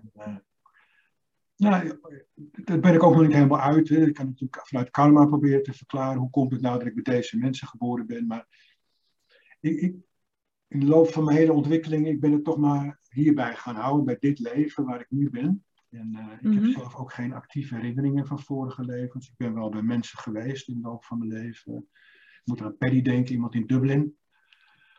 Die een heel interessant... eh, ik was toen mijn toenmalige partner en nou, we gingen allebei... eh, hij was een soort helderzien, hij had ook boekjes geschreven. De gids had hij, ja. Ja. Dat wij elkaar al kenden uit vorige levens. Nou, ik vond het fascinerend. Maar eigenlijk kan ik er niet zoveel mee. Dus eh, Mhm. dat is toch mij een beetje in, in de hoek van magisch denken. Ik probeer Mhm. altijd maar zoveel mogelijk fenomenologisch te houden. Van nou, oké, wat kan ik Ja. waarnemen? Wat, hè? Nou, ik is stelmatig eigenlijk wel. Echt Mhm. proberen op de waarneming Ja, ja. te kijken. En, eh, ja. Maar het is niet, ja, ik denk als je daar niet, dat niet tegenkomt of, of eh, de boot mist, de afslag mist, nou, dan heb je gewoon pech. Spiritueel gezien. En dat kan je dan wel Mhm. proberen te verklaren. Van, nou, je hebt, eh, want dat zeggen ze wel eens van, dat zei Rinpoche zelfs ook nog, van, nou, je bent hier in Lerablingen, Zuid-Frankrijk, omdat dat komt ook omdat je goed karma had. En dat karma is dan bepaald moment, goede karma is bepaald met opgebruik. Hè? En eh, dan moet je wel zorgen dat je snel eh, nou, je gaat ontwikkelen, want anders dan. Hè? Nou, ja, ik geloof er helemaal niet in. Ik denk, nou, het zal best wel een reden hebben dat ik hier ben. Maar dat ik nou om moet gaan haasten omdat mijn karma, mijn goede karma, anders opgebru- opgebruikt is. de bankrekening is leeg. Dat, Ja, dat heeft- ja, ja, dan die beeldspraak. Geeft veel druk. Dat kan ik helemaal Geeft niet. veel druk. Ah, nee. nee. Ja, er is altijd wel veel druk. En ik, ik heb altijd afgevraagd, is dat nou nodig? Ook, ook in zo'n spirituele gemeenschap is heel veel druk. Je hebt ook een groepsdenken, er zijn waarden en Mhm. normen. En, nou, die leraar wordt natuurlijk eigenlijk altijd veel te veel op, op een voetstuk geplaatst. En die zit ook letterlijk op een, eh, op een troon. Nou, als je dan later hoort wat hij allemaal uitgesproken heeft. Nou, misschien juist wel Mhm. omdat hij op die troon zat. Dat weet ik ook niet. Maar er zijn heel veel eh, spirituele leraren die, eh, die de mist ingaan vroeg of laat. Het is gewoon te veel. Ja, alsof ze het niet kunnen bevatten, kunnen, kunnen dragen. Die verantwoordelijkheid ook. Wat een verantwoordelijkheid om al die mensen. Ja, Ja, ik vind dat moet je... eh, integriteit, hè, zei je in Ja. het begin al. Ik denk dat integriteit daarin een hele belangrijke is. Ja. En wat ik ook vaak zie, zo in spirituele kringen, is dat ze daarin zo wat... ehm, het, het is voor sommigen heel duidelijk wie dat daar wel en niet in hoort. ja, Maar dat Ja. vind ik eigenlijk op zich al niet zo geweldig spiritueel, eigenlijk, om eerlijk te Hmm. zijn. nee, het wordt vaak van, gebruikt. ja. Maar er zijn alle clubs van de, de insiders en de outsiders. Ja, Ja, ehm, ja. Dus dat vind ik op zich al een interessant fenomeen. Hè? Om, ja dan kom je op uh, groepsdynamiek eigenlijk. ja, Maar gezinnen Ja. zijn ook eh, sectes natuurlijk, waar, waar je in zit. En als je niet in Ja, zit, dan zit je er niet wel. in, hoor je er niet bij. ik denk... Ja. kan je wel aangetrouwd raken. Elk maar systeem is op zich... eh, Dat is meestal ook niet zo'n toffe de positie. Aangetrouwde familie. Nee. Nee. Zeg, eh ehm, we hebben eigenlijk niet afgesproken hoe lang dat dit eh, mag duren. Maar ik heb, ik heb toch zeker nog twee belangrijke dingen. Want je hebt het... eh, ehm, er staat een zin in, hoofdstuk 17 staat, en vond ik ook een heel interessante, hoe groter de ervaren afhankelijkheid, Ah, ja. Ja. hoe groter de kans op reactiviteit. Ja, ja. Nou, dat mag je mij eens uitleggen. Want, want, je, want je koppelt dat, en dat staat in het hoofdstuk rond intieme relaties. Oh ja, liefde voor aandacht is een noodzakelijke voorwaarde voor Ja. relaties.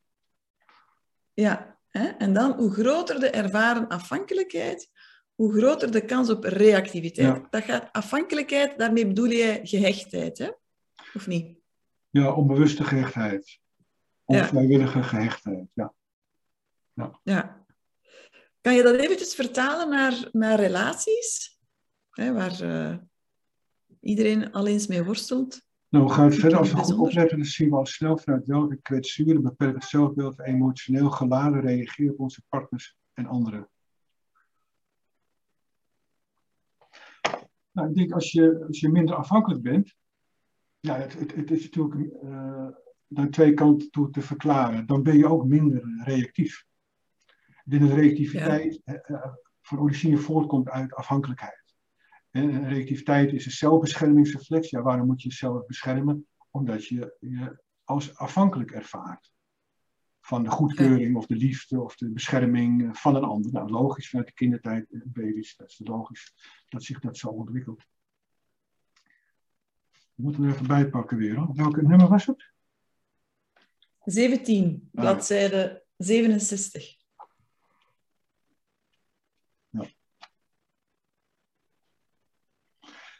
Ja, en, die afhankelijkheid uh, die, die, maakt dat je kwetsbaar bent. Dus uh, tegenover afhankelijkheid, onafhankelijkheid. En uiteraard, ergens in het midden zit wederzijds afhankelijkheid. Dat is eigenlijk de, de meest, ja, denk ik, goede manier om, om naar onze relaties te kijken. We zijn wederzijds afhankelijk. Maar omdat we mhm. niet zo goed leren om met afhankelijkheid om te gaan, verdwijnen we vaak in neurotische eh, afhankelijkheid en dus ook in tegenafhankelijkheid. Mm tegenafhankelijkheid betekent dat je net alsof je niet bent, maar toch wel bent. Er zijn mensen die zijn, mm nou, die zijn ontzettend onafhankelijk en hebben met niemand wat te maken en die trekken hun eigen plan. En, uh, ja, dat gaat natuurlijk ook niet. Dan krijg je dictators en dat soort uh, types krijgen daarvan. Um, ja, dat zijn ook, uh, horen we ook heel vaak over de moderne vrouw. Hè? Ja. Zo onafhankelijk en sterk zijn. Ja. Ja, dat moet ook tegenwoordig, hè? Ja, moet. Maar iedereen. En, en, en, we zijn dat niet. Niemand is dat. Weet je, ik, ik, ik bak zelf geen brood, dus ik ga naar de bakker. Dus in die zin ben ik ook al afhankelijk. We zijn zo verweven met elkaar. Hmm. Het is vaak een, eh, een, ja. Het zijn allemaal ideeën die heersen. Van, je moet, moet uh, zelfstandig zijn. En dat moet ook wel op een bepaald niveau. Maar ik denk dat het heel makkelijk hmm. doorslaat omdat de mensen hmm. die ons dat leren, die, die, waren ook niet helemaal helder. Nee. Het, het is iets van, ja, hou van me en ga weg. Blijf bij me en ga weg. We geven elkaar heel vaak dubbele boodschappen. Ja, dat is een mooie. Hou van mij, ga weg. maar wel op mijn manier. En, uh, en anders dan... Uh... Ja. Um, maar ik denk dat de onverwerkte afhankelijkheid, de onvolwassenheid die in onze afhankelijkheid, neurotische afhankelijkheid zit, dat die ons bij uitstek reactief maakt. En reactiviteit is ten diepste een zelfbeschermingsreflex. En de reflex mm. betekent dat hij is onmiddellijk. Het is niet iets waar je over na hoeft te denken, het is onmiddellijk. Mm. en het probeert jezelf te beschermen, wat op zich natuurlijk een prima handeling is. Mm. Maar die is al zo oud, omdat je heel klein was. En, en bij de meeste volwassenen is hij nog steeds heel actief. En, en mhm. ja, dat, dat zie je gewoon. Nou, ik doe ook natuurlijk relatietherapie, ja, dan zie je dat gewoon gebeuren. Hoe mensen mm. reactief zijn op elkaar en elkaar gewoon, mm. uh, ja, eigenlijk in de problemen in werken met z'n tweeën. En, en wat is er eigenlijk aan de hand? Nou, eigenlijk niet zoveel. Alleen dat patroon is zo dominant geworden. En mensen blijven er zo aan vasthouden. Het is bijna je, je, je reddingsboei, je reactiviteit. Nou, maar het is, het is een reflex, heel contraproductief. Ja, het, is ook, het voelt ook heel eng hè, om dat los te laten. Ja, en je weet ook niet hoe.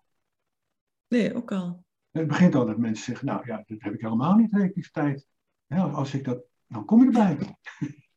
ik zeg, nou, wat dacht je hiervan? Wat bedoel je? Weet je dat? Net als dat ik vroeger zei, mensen zeiden, nou, je bent wel een beetje arrogant. Maar ik? Ik arrogant? Hoe kom je daar? Nou en ik had het niet in de gaten dat ik eigenlijk vrij arrogant reageerde op die opmerking. Nou, zo, dat is zo ja, simpel voorbeeld. En het zijn allemaal dingen waar je liever niet mee geassocieerd wordt. We weten allemaal wel, zelfs ik wist dat, dat arrogant is niet oké. Dat moet je niet zijn. En het is hubris, dat is, uh, dat is niet goed. Dan ben je te vol van jezelf. Nou, trouwens, een goede, goede zin is dat. Te vol van jezelf. Dus je bent zo geïdentificeerd met dat zelf, dat je hebt geen enkel extern punt om te kunnen observeren dat er veel meer is dan dat zelf. Dat dat zelf, ja, dat ego, hè, wordt het vaak genoemd, dat dat Ja, helemaal, er helemaal mee samenvalt. Nou, dat is ja, niet ja. Dus je zou ook kunnen zeggen dat ons werk bestaat uit het langzaam mensen een, een- een extern, intern, extern, hè, in zichzelf perspectief bieden, waardoor ze in staat worden om naar zichzelf te kijken. In plaats van Hmm. Als ik het ga zeggen, dan eh, worden ze boos. Of uh, ja, bemoei je met je eigen, kijk naar je eigen. Dus je moet ze eigenlijk Hmm. uitnodigen om uit die, die, die gevangenis, die beperking te komen. Een beetje even uit de deur te kijken. Oh ja. En dan komt natuurlijk die, die onvermijdelijke schuld. Ach Hmm. jezus, dat is nog erger dan ik dacht met mij. Ja, doe dit en Ja. dat. En, dat zeggen ze bij mij ook, ja. ja, maar, maar ik denk, het goede is van, maar dan moet je naar verantwoordelijkheid, een heel belangrijke term. Hè? Responsibility, Mhm. vermogen om, om antwoord te geven. Ja, waarop dan? Nou, op Mhm. de situatie waar je in bevindt. En Hmm. als je je niet gewaar bent, dat is een beetje de vervelende paradox, denk ik, van het hele verhaal met, met awareness, gewaarzijn, bewustzijn. Hmm. Als je het niet in de gaten hebt, dan heb je het gewoon niet in de gaten. En ben je eigenlijk formeel ook niet verantwoordelijk. Dus dat betekent gewoon dat er van die 7, is het 7,5 miljard heel veel onverantwoordelijke mensen rondlopen. Omdat hun inzicht in zichzelf en, wat ze doen te laag is, is te weinig. Nou, en dat, is, dat voel ik wel. Als ik al een doel heb buiten dat ik het leuk vind om te schrijven. En, en ja, er zal misschien ook nog wel een ego-dingetje bij zitten. Van, nou, heb ik weer een boek geschreven? Dat, dat soort dingen. Slijt wel hoor, maar het is nog steeds wel aanwezig. Maar kan ik iets bijdragen dat, dat mensen daar wat minder eh, last van hebben? Ja, dan moeten ze aan de slag. Zien wat voor gedrag ze vertonen om proberen dingen te vermijden, en te controleren en, en Mhm. te controleren. Mhm. En, en Biden en Xi Jinping, die zijn ook de hele dag bezig met controleren. Nou, wat een puinbak zeg. Als ze nou Trudeau, ontspannen, Canada. hè, ontspannen. Ja, want eh, het is interessant dat je dat zegt, want eh, ik had het hier al klaargelegd. Er staat, een krachtige oefening die je op ieder moment kan doen, is ontspannen in aandacht. Ja. Maar ik vind aandacht op zich al een inspanning vragen, eigenlijk. Nee. Dus aandacht met een hoofdletter. hè? Ja, ja, aandacht met hoofdletter, ja. Dus ik maak, ik weet niet of ik dat, dat in dit boek doe, maar in Eenvoud van Perfectie heb ik dat wel uitgewerkt. Of even aange... Het staat wel in een noot volgens mij. In ieder geval, ontspanning in aandacht. Aandacht is, is de al, altijd aanwezige ja, bewustzijn, zou je kunnen noemen. Zonder vorm, Mm. zonder, zo, dat is hoe wij kunnen waarnemen. In boeddhisme Mhm. hebben ze dat helemaal uitge, uitgesplit. Je hebt je zintuigen, die zijn functioneel om informatie op te vangen. Hè. Ik kijk nu naar, naar jou, naar het scherm. Ik zie dan aan de andere helft van het scherm zie ik mezelf in mijn ooghoek. En die informatie gaat mijn hersenen in en die hersenen maken daar een beeld van en dat wordt meteen geïnterpreteerd, heeft betekenis. Ja. D- Dat is een interessante vorm van, van. Maar dat is niet wat ik bewust doe, dat gebeurt. Mhm. Ehm, maar ik kan me wel bewust worden van, van dat proces. Dat, dat ik iets waarneem wa- waar een bewerking op plaatsvindt, razendsnel natuurlijk. En dan heel langzaamaan, als ik die bewerking een beetje in de peiling heb, eerst is het een concept, dan denk ik, oh wacht even.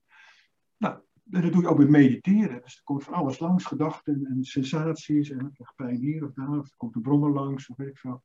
Mhm. En dan steeds Mhm. weer aandacht terugbrengen naar dat, eigenlijk dat, dat gewaarzijn, dat bewustzijn, wat observeert, wat, wat niemand is. Wat, wat een, ja, dat is het grote mysterie van het leven. Er zijn hele interessante theorieën over eh, bedacht, hoe dat überhaupt ontstaan is, dat wij Mhm. een zelfbewust zijn. Fascinerend. Mhm. En heel veel mensen hebben er Mhm. last van. Die willen helemaal niet zo bewust zijn van zichzelf. Want dan krijg je. Wat zelfbewustzijn, ik zeg het eigenlijk niet goed, want in het Nederlands, het zelfbewustzijn, dat is als je verlegen bent. Je bent je dan overmatig bewust van jezelf. Nou, en dan word je verkrampt. Mhm. Of je denkt dat mensen in je hoofd kunnen Ja. kijken. Oh, iedereen kan vast zien dat ik niet denk. oh. Dus dat is misschien niet, niet de goede term, maar. Ja, fascinerend. En Dat, dat ontstaat Mm. in één keer en dan als je doodgaat, ja, wat gebeurt er dan met dat bewustzijn? En misschien heb je daar wel bedacht, nou, we reïncarneren gewoon. Ja, ja, ja, dat weet ik wel, ja. Mindstream is niet dat je persoonlijkheid en zo dan meegaat in het boeddhisme, maar dan reïncarneer je weer. Nou, ja. ja. Allemaal modellen. Maar aandacht. Zeg, ja. er staat ook, je ontspant in wat er dan ook in je geest is. Ja, überhaupt wat er is. eigenlijk is alles in de geest. Ja, angst, verlangen, spanning, kwaadheid, extase, opwinding, leegte, drukte of wat er dan ook is. Ja, maar dat zijn ook gevoelens, hè? Angst, verlangen. Nou, ik zal je een voorbeeld geven. En emoties. Ik zit nou, nou, we zitten ongeveer drie, vijf kwartier al, al te praten. En er zijn momenten dat ik de draad kwijt ben. Ik denk, wat, en ik zou daar vroeger uh, zou ik dat heel vervelend gevonden hebben. Ik denk, ja, ik moet toch een coherent. Mm. Het is een, ook een promotievideo, laten we wel weten, voor mijn onvolprezen boek. Voor aandacht. Ja, je wilt dat je coherent bent. En mensen denken, nou, die man is gefocust en aandachtig en uh, constant, ongelooflijk. Af en toe ben ik, ben ik gewoon de draad kwijt. Nou, dat is wel een paar keer gebleken. Dan moet ik jou zeggen van, wat vroeg je ook alweer? En, uh, mm. Maar vroeger zou ik dat verschrikkelijk gevonden hebben. Had ik onmiddellijk gedacht, mm. oh, dit is een teken dat ik, ik val helemaal niet samen met wat ik schrijf. oh, oh, oh. Mm. En nu neem ik het waar. Ik denk, oh, interessant dat ik zo vaak de draad kwijt ben. En verder niks mm. blijf ik daar ontspannen bij. En dat, dat, vind ik, ja, ik weet niet wat voor verworvenheid dat is. Er kunnen misschien mensen zijn die dit nu zien en denken, nou, ik zie wel dat je afgeleid bent. Het verhaal wordt incoherent, hè, die kunnen het gewoon vinden. Maar ik heb dat zelf niet, gelukkig. Er zullen zeker, zeker zijn die denken nu, ja, ja, ja, zo kan ik ook alles uitleggen. Ja, ja, ja. Nou, doe dat dan. Geef een hoop. Schrijf een boek over. Geef een hoop, hè. Ja, een boek over schrijven. Zeg, Ramo, mijn favoriete hoofdstuk mhm. van jouw boek, dat wil je vast wel weten, hè? Ja. Of misschien niet, maar ik ga het ah, toch vertellen. Ja, ik ben benieuwd. Is uh, hoofdstuk 23. Oké. De enige manier om pijn te verdragen is om het oh, pijn te laten doen. Ja, ja, ja. ja. dat is een. Ja. ja, vind ik een heel mooie. Ja, het is een hele goede. Er resoneerde ook bij mij ook heel veel. Allee, ik ben daar ook, ik ben ook al veel ja, vind ik zelf daar al veel mee bezig geweest. Hè, omdat mijn, mijn, mijn leven al van alles heeft uh, tevoorschijn getoond. Ja, veel pijn gedaan heeft. Ja, ja. dus ook ja, wel wat overkomen ook. Dus ja, ik vond dat op zich uh, al een interessante zin. De enige manier om pijn te verdragen is om het, om het pijn te laten doen. Want als ik kijk in onze maatschappij, zijn we gewoon allemaal heel erg bezig om met allerlei tactieken en compensaties, medicatie, hè, omdat het vooral geen pijn zou doen. Ja, klopt. Hè? En jij zegt eigenlijk tegenovergestelde. Nou ja, geïnspireerd door Shunu Suzuki. Ja. Dat is, niet de violist, hè? Hè? Nee, nee, nee. Is niet de violist, hè? Een hele, leuke, interessante ja, zenmeester die, die uh, geëmigreerd is uit Japan. Hij is heel erg op, opgegroeid en uh, geschoold in Japan en is op later leeftijd naar Amerika gekomen. Hij was eigenlijk de eerste, een van de eerste zenleraar in de Verenigde Staten. En, uh, een hele interessante keer, heeft goede boeken geschreven. Hij heeft een paar klassiekers ook.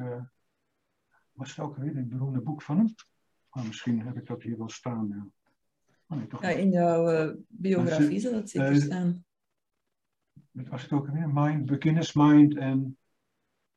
Nou, ik heb het hier wel ergens staan. Maar goed, geef niet. Hele inspirerende man. Ik heb me altijd heel mhm. erg geïnspireerd gevoeld door hem. En hij, hij had het daarover. En het, dat, het sprak me onmiddellijk aan. Mhm. Van, dat pijn is een onlosmakelijk deel van het leven. Dat hebben we ook nodig om te overleven. Als je geen pijn voelt, dan, uh, nou, dan kan je het wel schudden. Dan ben je vrij snel dood, denk ik. Hè? Dus ja. aan kachelbranden en al die dingen die je als kind uh, doet. Ah, shit. Uh, ja hij maakt een heel mooi onderscheid tussen, nou, daar staat, gaat het stukje over. Ja. Maar pijn is, is gewoon een, een essentiële omstandigheid, maar het wordt pas lijden als je die pijn niet wil. Nou, de meeste mensen zullen denken, ja, wat flauwekul, pijn is het toch gewoon. Maar dat, dat niet willen, dat verandert de ervaring van pijn, de essentiële pijn, mm lijden. Dus lijden is eigenlijk een pijn die niet nodig is. Dat is eigenlijk wat hij zegt. Mhm. Pijn is er wel, mhm. maar je hoeft niet te lijden onder je pijn. En dat lijden is een mentale reactie op die pijn. Het niet willen van die pijn. Dat doen we met fysieke pijn, met liefdesverdriet. Nou, eigenlijk mm alle dingen die tegenzitten, hebben de, de reflex om, uh, om, om, het te ontkennen en, en vanaf te willen. Dat er vanaf mm. willen, ik, ik vergelijk ook maar met, uh, met een soort strandbal die je probeert onder water te duwen. En we weten van water, hoe mm-hmm. meer je lucht onder water wilt duwen, des te sterker de tegendruk wordt.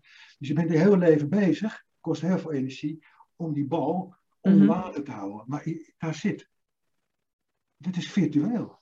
Dus als die bal mm. loslaat en de pijn draagt, onder ogen ziet, dan drijft het lijden weg. Nou, mooie beeldspraak. Alleen, we zitten op die bal en denken, nee, ik ga niet loslaten. En dan breekt de kleur. En dan zit je een heel leven zit je op die bal. Nou, logisch dat je dan uh, pijn hebt en, en, en, je hebt veel minder energie voor andere dingen. En dat, is, mm. dat vond ik zo'n mooie beweging. Van, die zie ik bij mezelf ook wel. Van, ja, je weet het wel, je, er komt iets langs en je bent ermee bezig. En oh god, dit en dat. En die moet opgelost worden. Mm. Mm-hmm. En vaak los je het helemaal niet. Het verdwijnt gewoon. Ik dacht, een half jaar geleden zat ik toch in de crisis, want daar en daar over. En ja, die omstandigheden zijn eigenlijk helemaal niet zoveel veranderd. Hoe komt het nou dat ik nou niet meer crisis ben, een half jaar geleden wel? Omdat je die bal onder tafel, uh, onder water wilde duwen.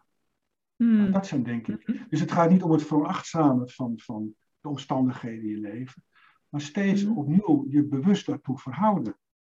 En dan zien, wat is mijn, hoe ga ik ermee om? Wat is mijn neiging, mijn automatische omgang ermee? En nou, ben ik daar tevreden over? Of denk ik, hé, hey, mm. Er zitten toch wat aspecten in uh, die, die, wat contraproductief zijn. Laat ik eens kijken of, of ik daar anders mee om kan gaan. Naar keus. Er is nooit iemand anders die, die moet gaan zeggen van, uh, joh, dat moet je even anders doen. Ja, want dan is het al heel snel, uh, kijk jij het maar even. En er zijn ook dingen, ook in mijn leven, die, die soms wat minder productief zijn. Waarvan ik toch denk, nou, daar kan ik mee leven. Het kost me te veel energie om dat nou te gaan veranderen. Dus je moet ook prioriteiten stellen. Oh, dat vind ik een mooie, wat hij zegt daar. Ja. ja, ik ben natuurlijk helemaal niet perfect. Er zijn zat dingen ik denk, nou, nou, dat zou best wel anders kunnen. Misschien beginnen aan om het allemaal te doen. dat is geen Nee, dat is geen aan, toch? Je hebt zoveel dingetjes opgedaan in je jeugd. Kleine ja. gewoontes en, en ja. Ja. en dat is ook oké. Okay. Dat zie je die video, ik kan best wel breedsprakig zijn. Nou, dat heb ik soms in mijn relatie. Uh, ja, moet ik niet vrouwen hebben die het ook zijn. Hè? Dus ja, soms zijn het er wel. En, maar, dus je moet altijd kijken, waar ben ik, wat doe ik, wat heeft het voor een effect. Uh. Dat had ik ook wel een leuke definitie, staat hier volgens mij niet in, maar misschien wel een eenvoud van perfectie. Van, nou, we, we kennen natuurlijk de liefde. Nou, de liefde is er mm -hmm. eeuwen over geschreven, van genoten en over geklaagd. Mm -hmm. Ik dacht, ik moet een hanteerbare definitie hebben. Wat is dat nou eigenlijk? Dus ik dacht, nou, liefde is, is de bereidheid van uh, jou, jouw gedrag, wat voor jou, jou, jouw lief contraproductief is, waar die sterk op reageert, sterk reactief mm -hmm. De bereidheid om, om dat minder te vertonen. Zonder jezelf daar echt mee klem te zetten. Dus je hebt een soort mhm. speelruimte. Mm -hmm. De meeste mm -hmm. gedrag toch onbewust. Dus ik heb bepaalde -hmm. gedrag. Hè, als jij met partner zou zijn waar jij je maatloos irriteert of sterk op reageert. Mhm dat ik dan niet tegen jou zeg, god lief, ga eens in therapie of doe er eens wat aan. Of weet je wat? Dat ik zeg, hey, wat is mijn aandeel in dit verhaal? en dat ik kijk, zeg, oh wacht even, ik zie waar jij heel sterk op reageert. Dat kan ik, nou, dat kan ik wel, die kennis, als jij die niet zou hebben, zou ik die kunnen delen. Maar meestal wordt het natuurlijk een manipulatie van, ga jij het maar oplossen? Want ik wil mm. gewoon mezelf kunnen zijn. Nee. Ja, het ligt altijd op een ander. Ja. Als ik A of B doe, dan reageer het altijd heel sterk op. Hoe zou het zijn als ik A en B wat minder doe? Uit liefde voor jou. Hmm, dat is mooi. Ja, en dan, nou ja, dan ga je dat doen, proberen. Maar, maar die bereidheid om mijn eigen gedrag ook te transformeren in een relatie, dat, dat, dacht ik, dat is een uiting van liefde. Ik ken natuurlijk heel veel meer leuke dingen van liefde. Lekker vrije koken, nou, noem maar op. Maar dit waar je de hele dag mee te maken hebt, die, die onbewuste projecties op elkaar, reactiviteit, die eigenlijk een relatie gewoon kunnen vernietigen op den duur. Mm En uh, ja. ik probeer er wel te letten. Het heeft mij wel geholpen. Ik ben ook niet de makkelijkste in relaties. Dat, uh, nee, echt? echt wel. Waarom verbaast, mij, waarom verbaast mij dat niet? en, uh, maar goed, als je nog genoeg zeg maar, ja. ik, wil, ik wil nog even vragen over dat lijden, hè, want dat, dat boeit mij wel heel erg, merk ik. Um, want, omdat je zegt, um, ja, als, het, het gaat voorbij, zeg je. Hè? Als we zes maanden, ze sprak over die crisis, hè? ik zat zes maanden geleden in een crisis. Ja. En, en, dan, hè, en als je daar dan op terugkijkt, dan denk je, ah ja, het is, het is weg, hè? de bal. Hè, die voorbij drijft. Hè. Maar dat is toch niet voor iedereen, zoals ik denk bijvoorbeeld hè, mensen die chronische depressies terechtkomen. Of, uh, die blijven op die bal liggen. Ja. Ja, dan lijkt het wel ah, ja. dat het beweegt, omdat er wel wat, wat stroming is. Maar ja, dat is denk ik wat we leren. Nou, dat is wel interessant om mee te voelen, om op die babbel te duiken en hem onder te duwen. Dingen die je niet mhm. doet, dat leer je natuurlijk van je ouders. Nou, dat moet er eigenlijk niet zijn en dit moet je niet meer doen. En uh, mm je snapt er geen reet van. Ik denk, ja, waarom moet ik dat niet doen dan? Nou, omdat ik het zeg, zeggen we dan. Ja, ja. ja, ja. Uh, Nou, dan ga ik dat helemaal niet doen natuurlijk. Tenminste, zo zat ik in elkaar. Mm. Ja, dat weet ik ook niet. Er zijn natuurlijk heel veel ja, theorieën over uh, nou, reïncarnatie, karma, dat, dat daar een soort uh, predestinatie is vanuit vorige levens of vanuit dit leven zelf, uh, dat je zelf de veroorzaker bent van. Nou, ik denk wel dat we de mede-creator zijn, maar de schepping, of hoe je het ook wil noemen, het leven is zo complex. Zo complex. Mm. Enerzijds heel simpel, ook op wereldniveau denk je, nou ja, dat werkt voor geen meter. Dat ziet toch iedereen, maar goed, stap er maar eens uit.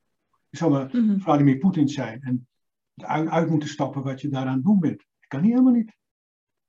En Xi mm-hmm. Jinping ook niet, dat kunnen ze gewoon niet. Die zijn daarin terechtgekomen en die zitten gevangen in die, in die rol.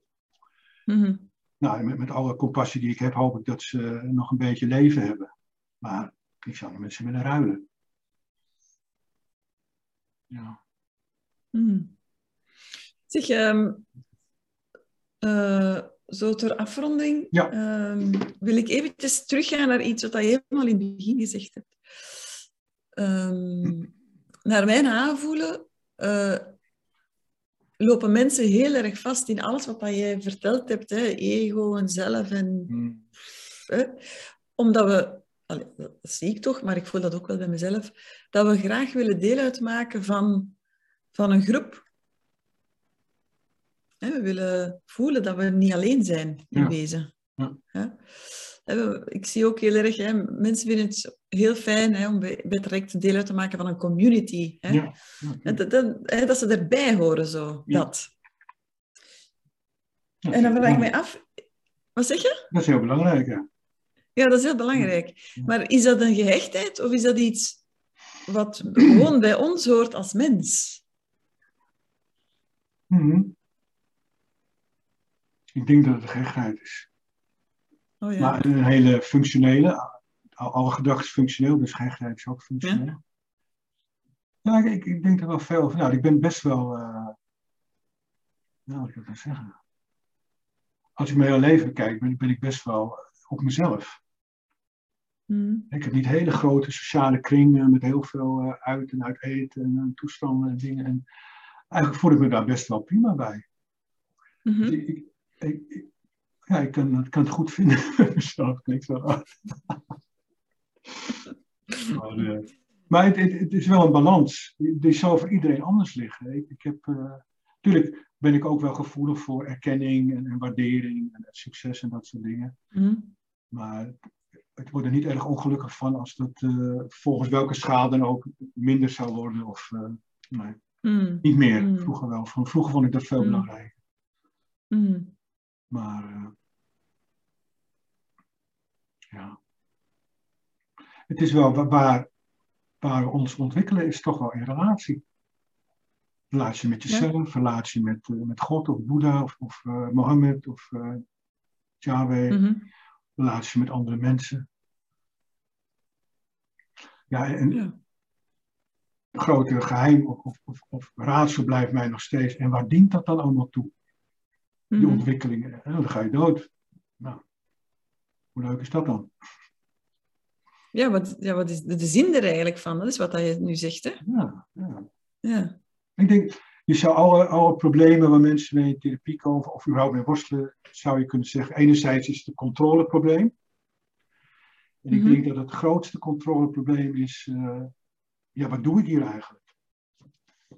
En je wordt natuurlijk geboren op een bepaald moment met allerlei invloeden. Daar zijn al kant-en-klaar antwoorden.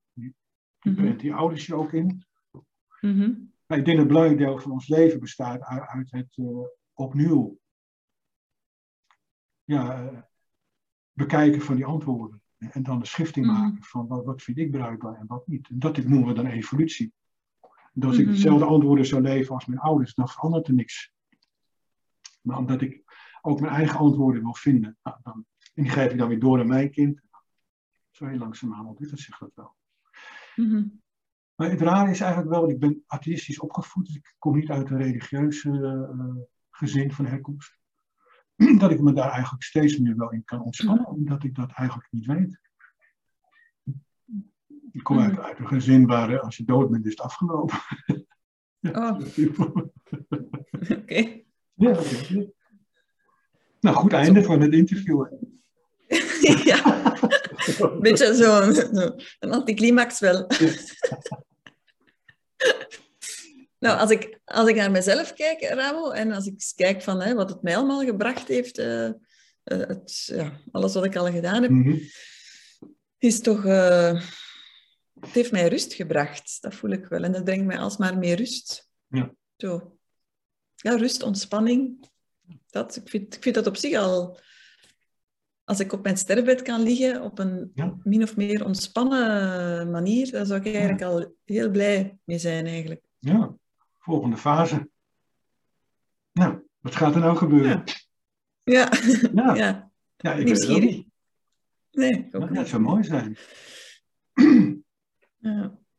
ja. Ehm, goed.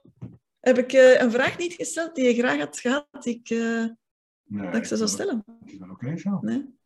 Ja. Misschien nog te zeggen eh, over, over het boek. Dat dit is het boek ervoor. Had ik aan het begin al gezegd. hè? En ook daarvan heb ik Ja. Instagram cursus gemaakt. En dit is dan de Ja. neerslag van Instagram. Dus het heeft ook een beetje, hè, het zijn 38 eh, afleveringen. Dus het heeft ook een beetje Ja. kursachtige insteek nog. Met reflectievragen. Dus je hebt een, een slogan, korte tekst. En dan Ja. Dus je kunt het ook gebruiken achter elkaar. Je kunt ook elke dag het openslaan. En dan dat als een soort Ja. reflectie door de dag heen eh, meenemen. En ja, ik denk dat het je wel dan iets zal brengen. Er staan ook wel wat technieken in die uitgelegd worden. Dus eh, nou, ik denk dat dat een praktisch eh, boek geworden is. Ja, het is echt een, een werkboek. Hè? Het is, Ja. het is allee, werk, daarmee bedoel ik, je kan er echt mee aan de slag. En Ja. dat vind ik wel... Ja, je kan voortgang Ja. maken, denk ik, in, in, in het proces. Ja. Zeg, je, waar eh, kunnen mensen het kopen? Ja, het kan gewoon via het Centraal Boekenhuis. Dus je kan het eh, bij bol.com bestellen. En eh, in Vlaanderen, Oké, mooi. ongetwijfeld ook, Ah, Oké, binnenkort. Ja. Je kunt ook bij mij bestellen, maar op zich maakt het niet zoveel uit. Maar het, het, het zal al, al beschikbaar zijn. Hmm. Mhm, Mooi. Zeg, en waar kunnen mensen jou vinden? Op eh, sociale media? Eh, ja, goede vraag. Nou ja, op Facebook, eh, Oh, LinkedIn. is dat onder jouw naam? Is dat onder jouw naam? Of, Ja, of is nee, dat... voor mij heb ik verschillende. Maar goed, mijn website is mindconsult.nu. Nou, Daar kun je het meeste wel vinden. En anders moet je gewoon Ramo de Boer. Dan zou Google wel wat, wat dingen laten verschijnen van LinkedIn. Ik weet niet uit mijn hoofd of, dat steeds mijn eigen naam is of Mindconsult. ja, oké. Mooi. Nou, dankjewel Goed. voor eh, ja, Jij bent bedankt. je goede het vragen heel en eh, je aandacht. Hm, Dat is eh, met veel plezier gedaan. Nou, Eh, ja. Dankjewel, Ramo. En eh, ja, jij mag het afsluiten. Ja, nou, eh, dankjewel voor dit leuke interview. Ik hoop dat voor de kijker eh, dat het iets brengt over de inhoud van het boek. Hè. We hebben best wel wat gemeanderd en zoals meestal dit soort Ja. stukken gaan.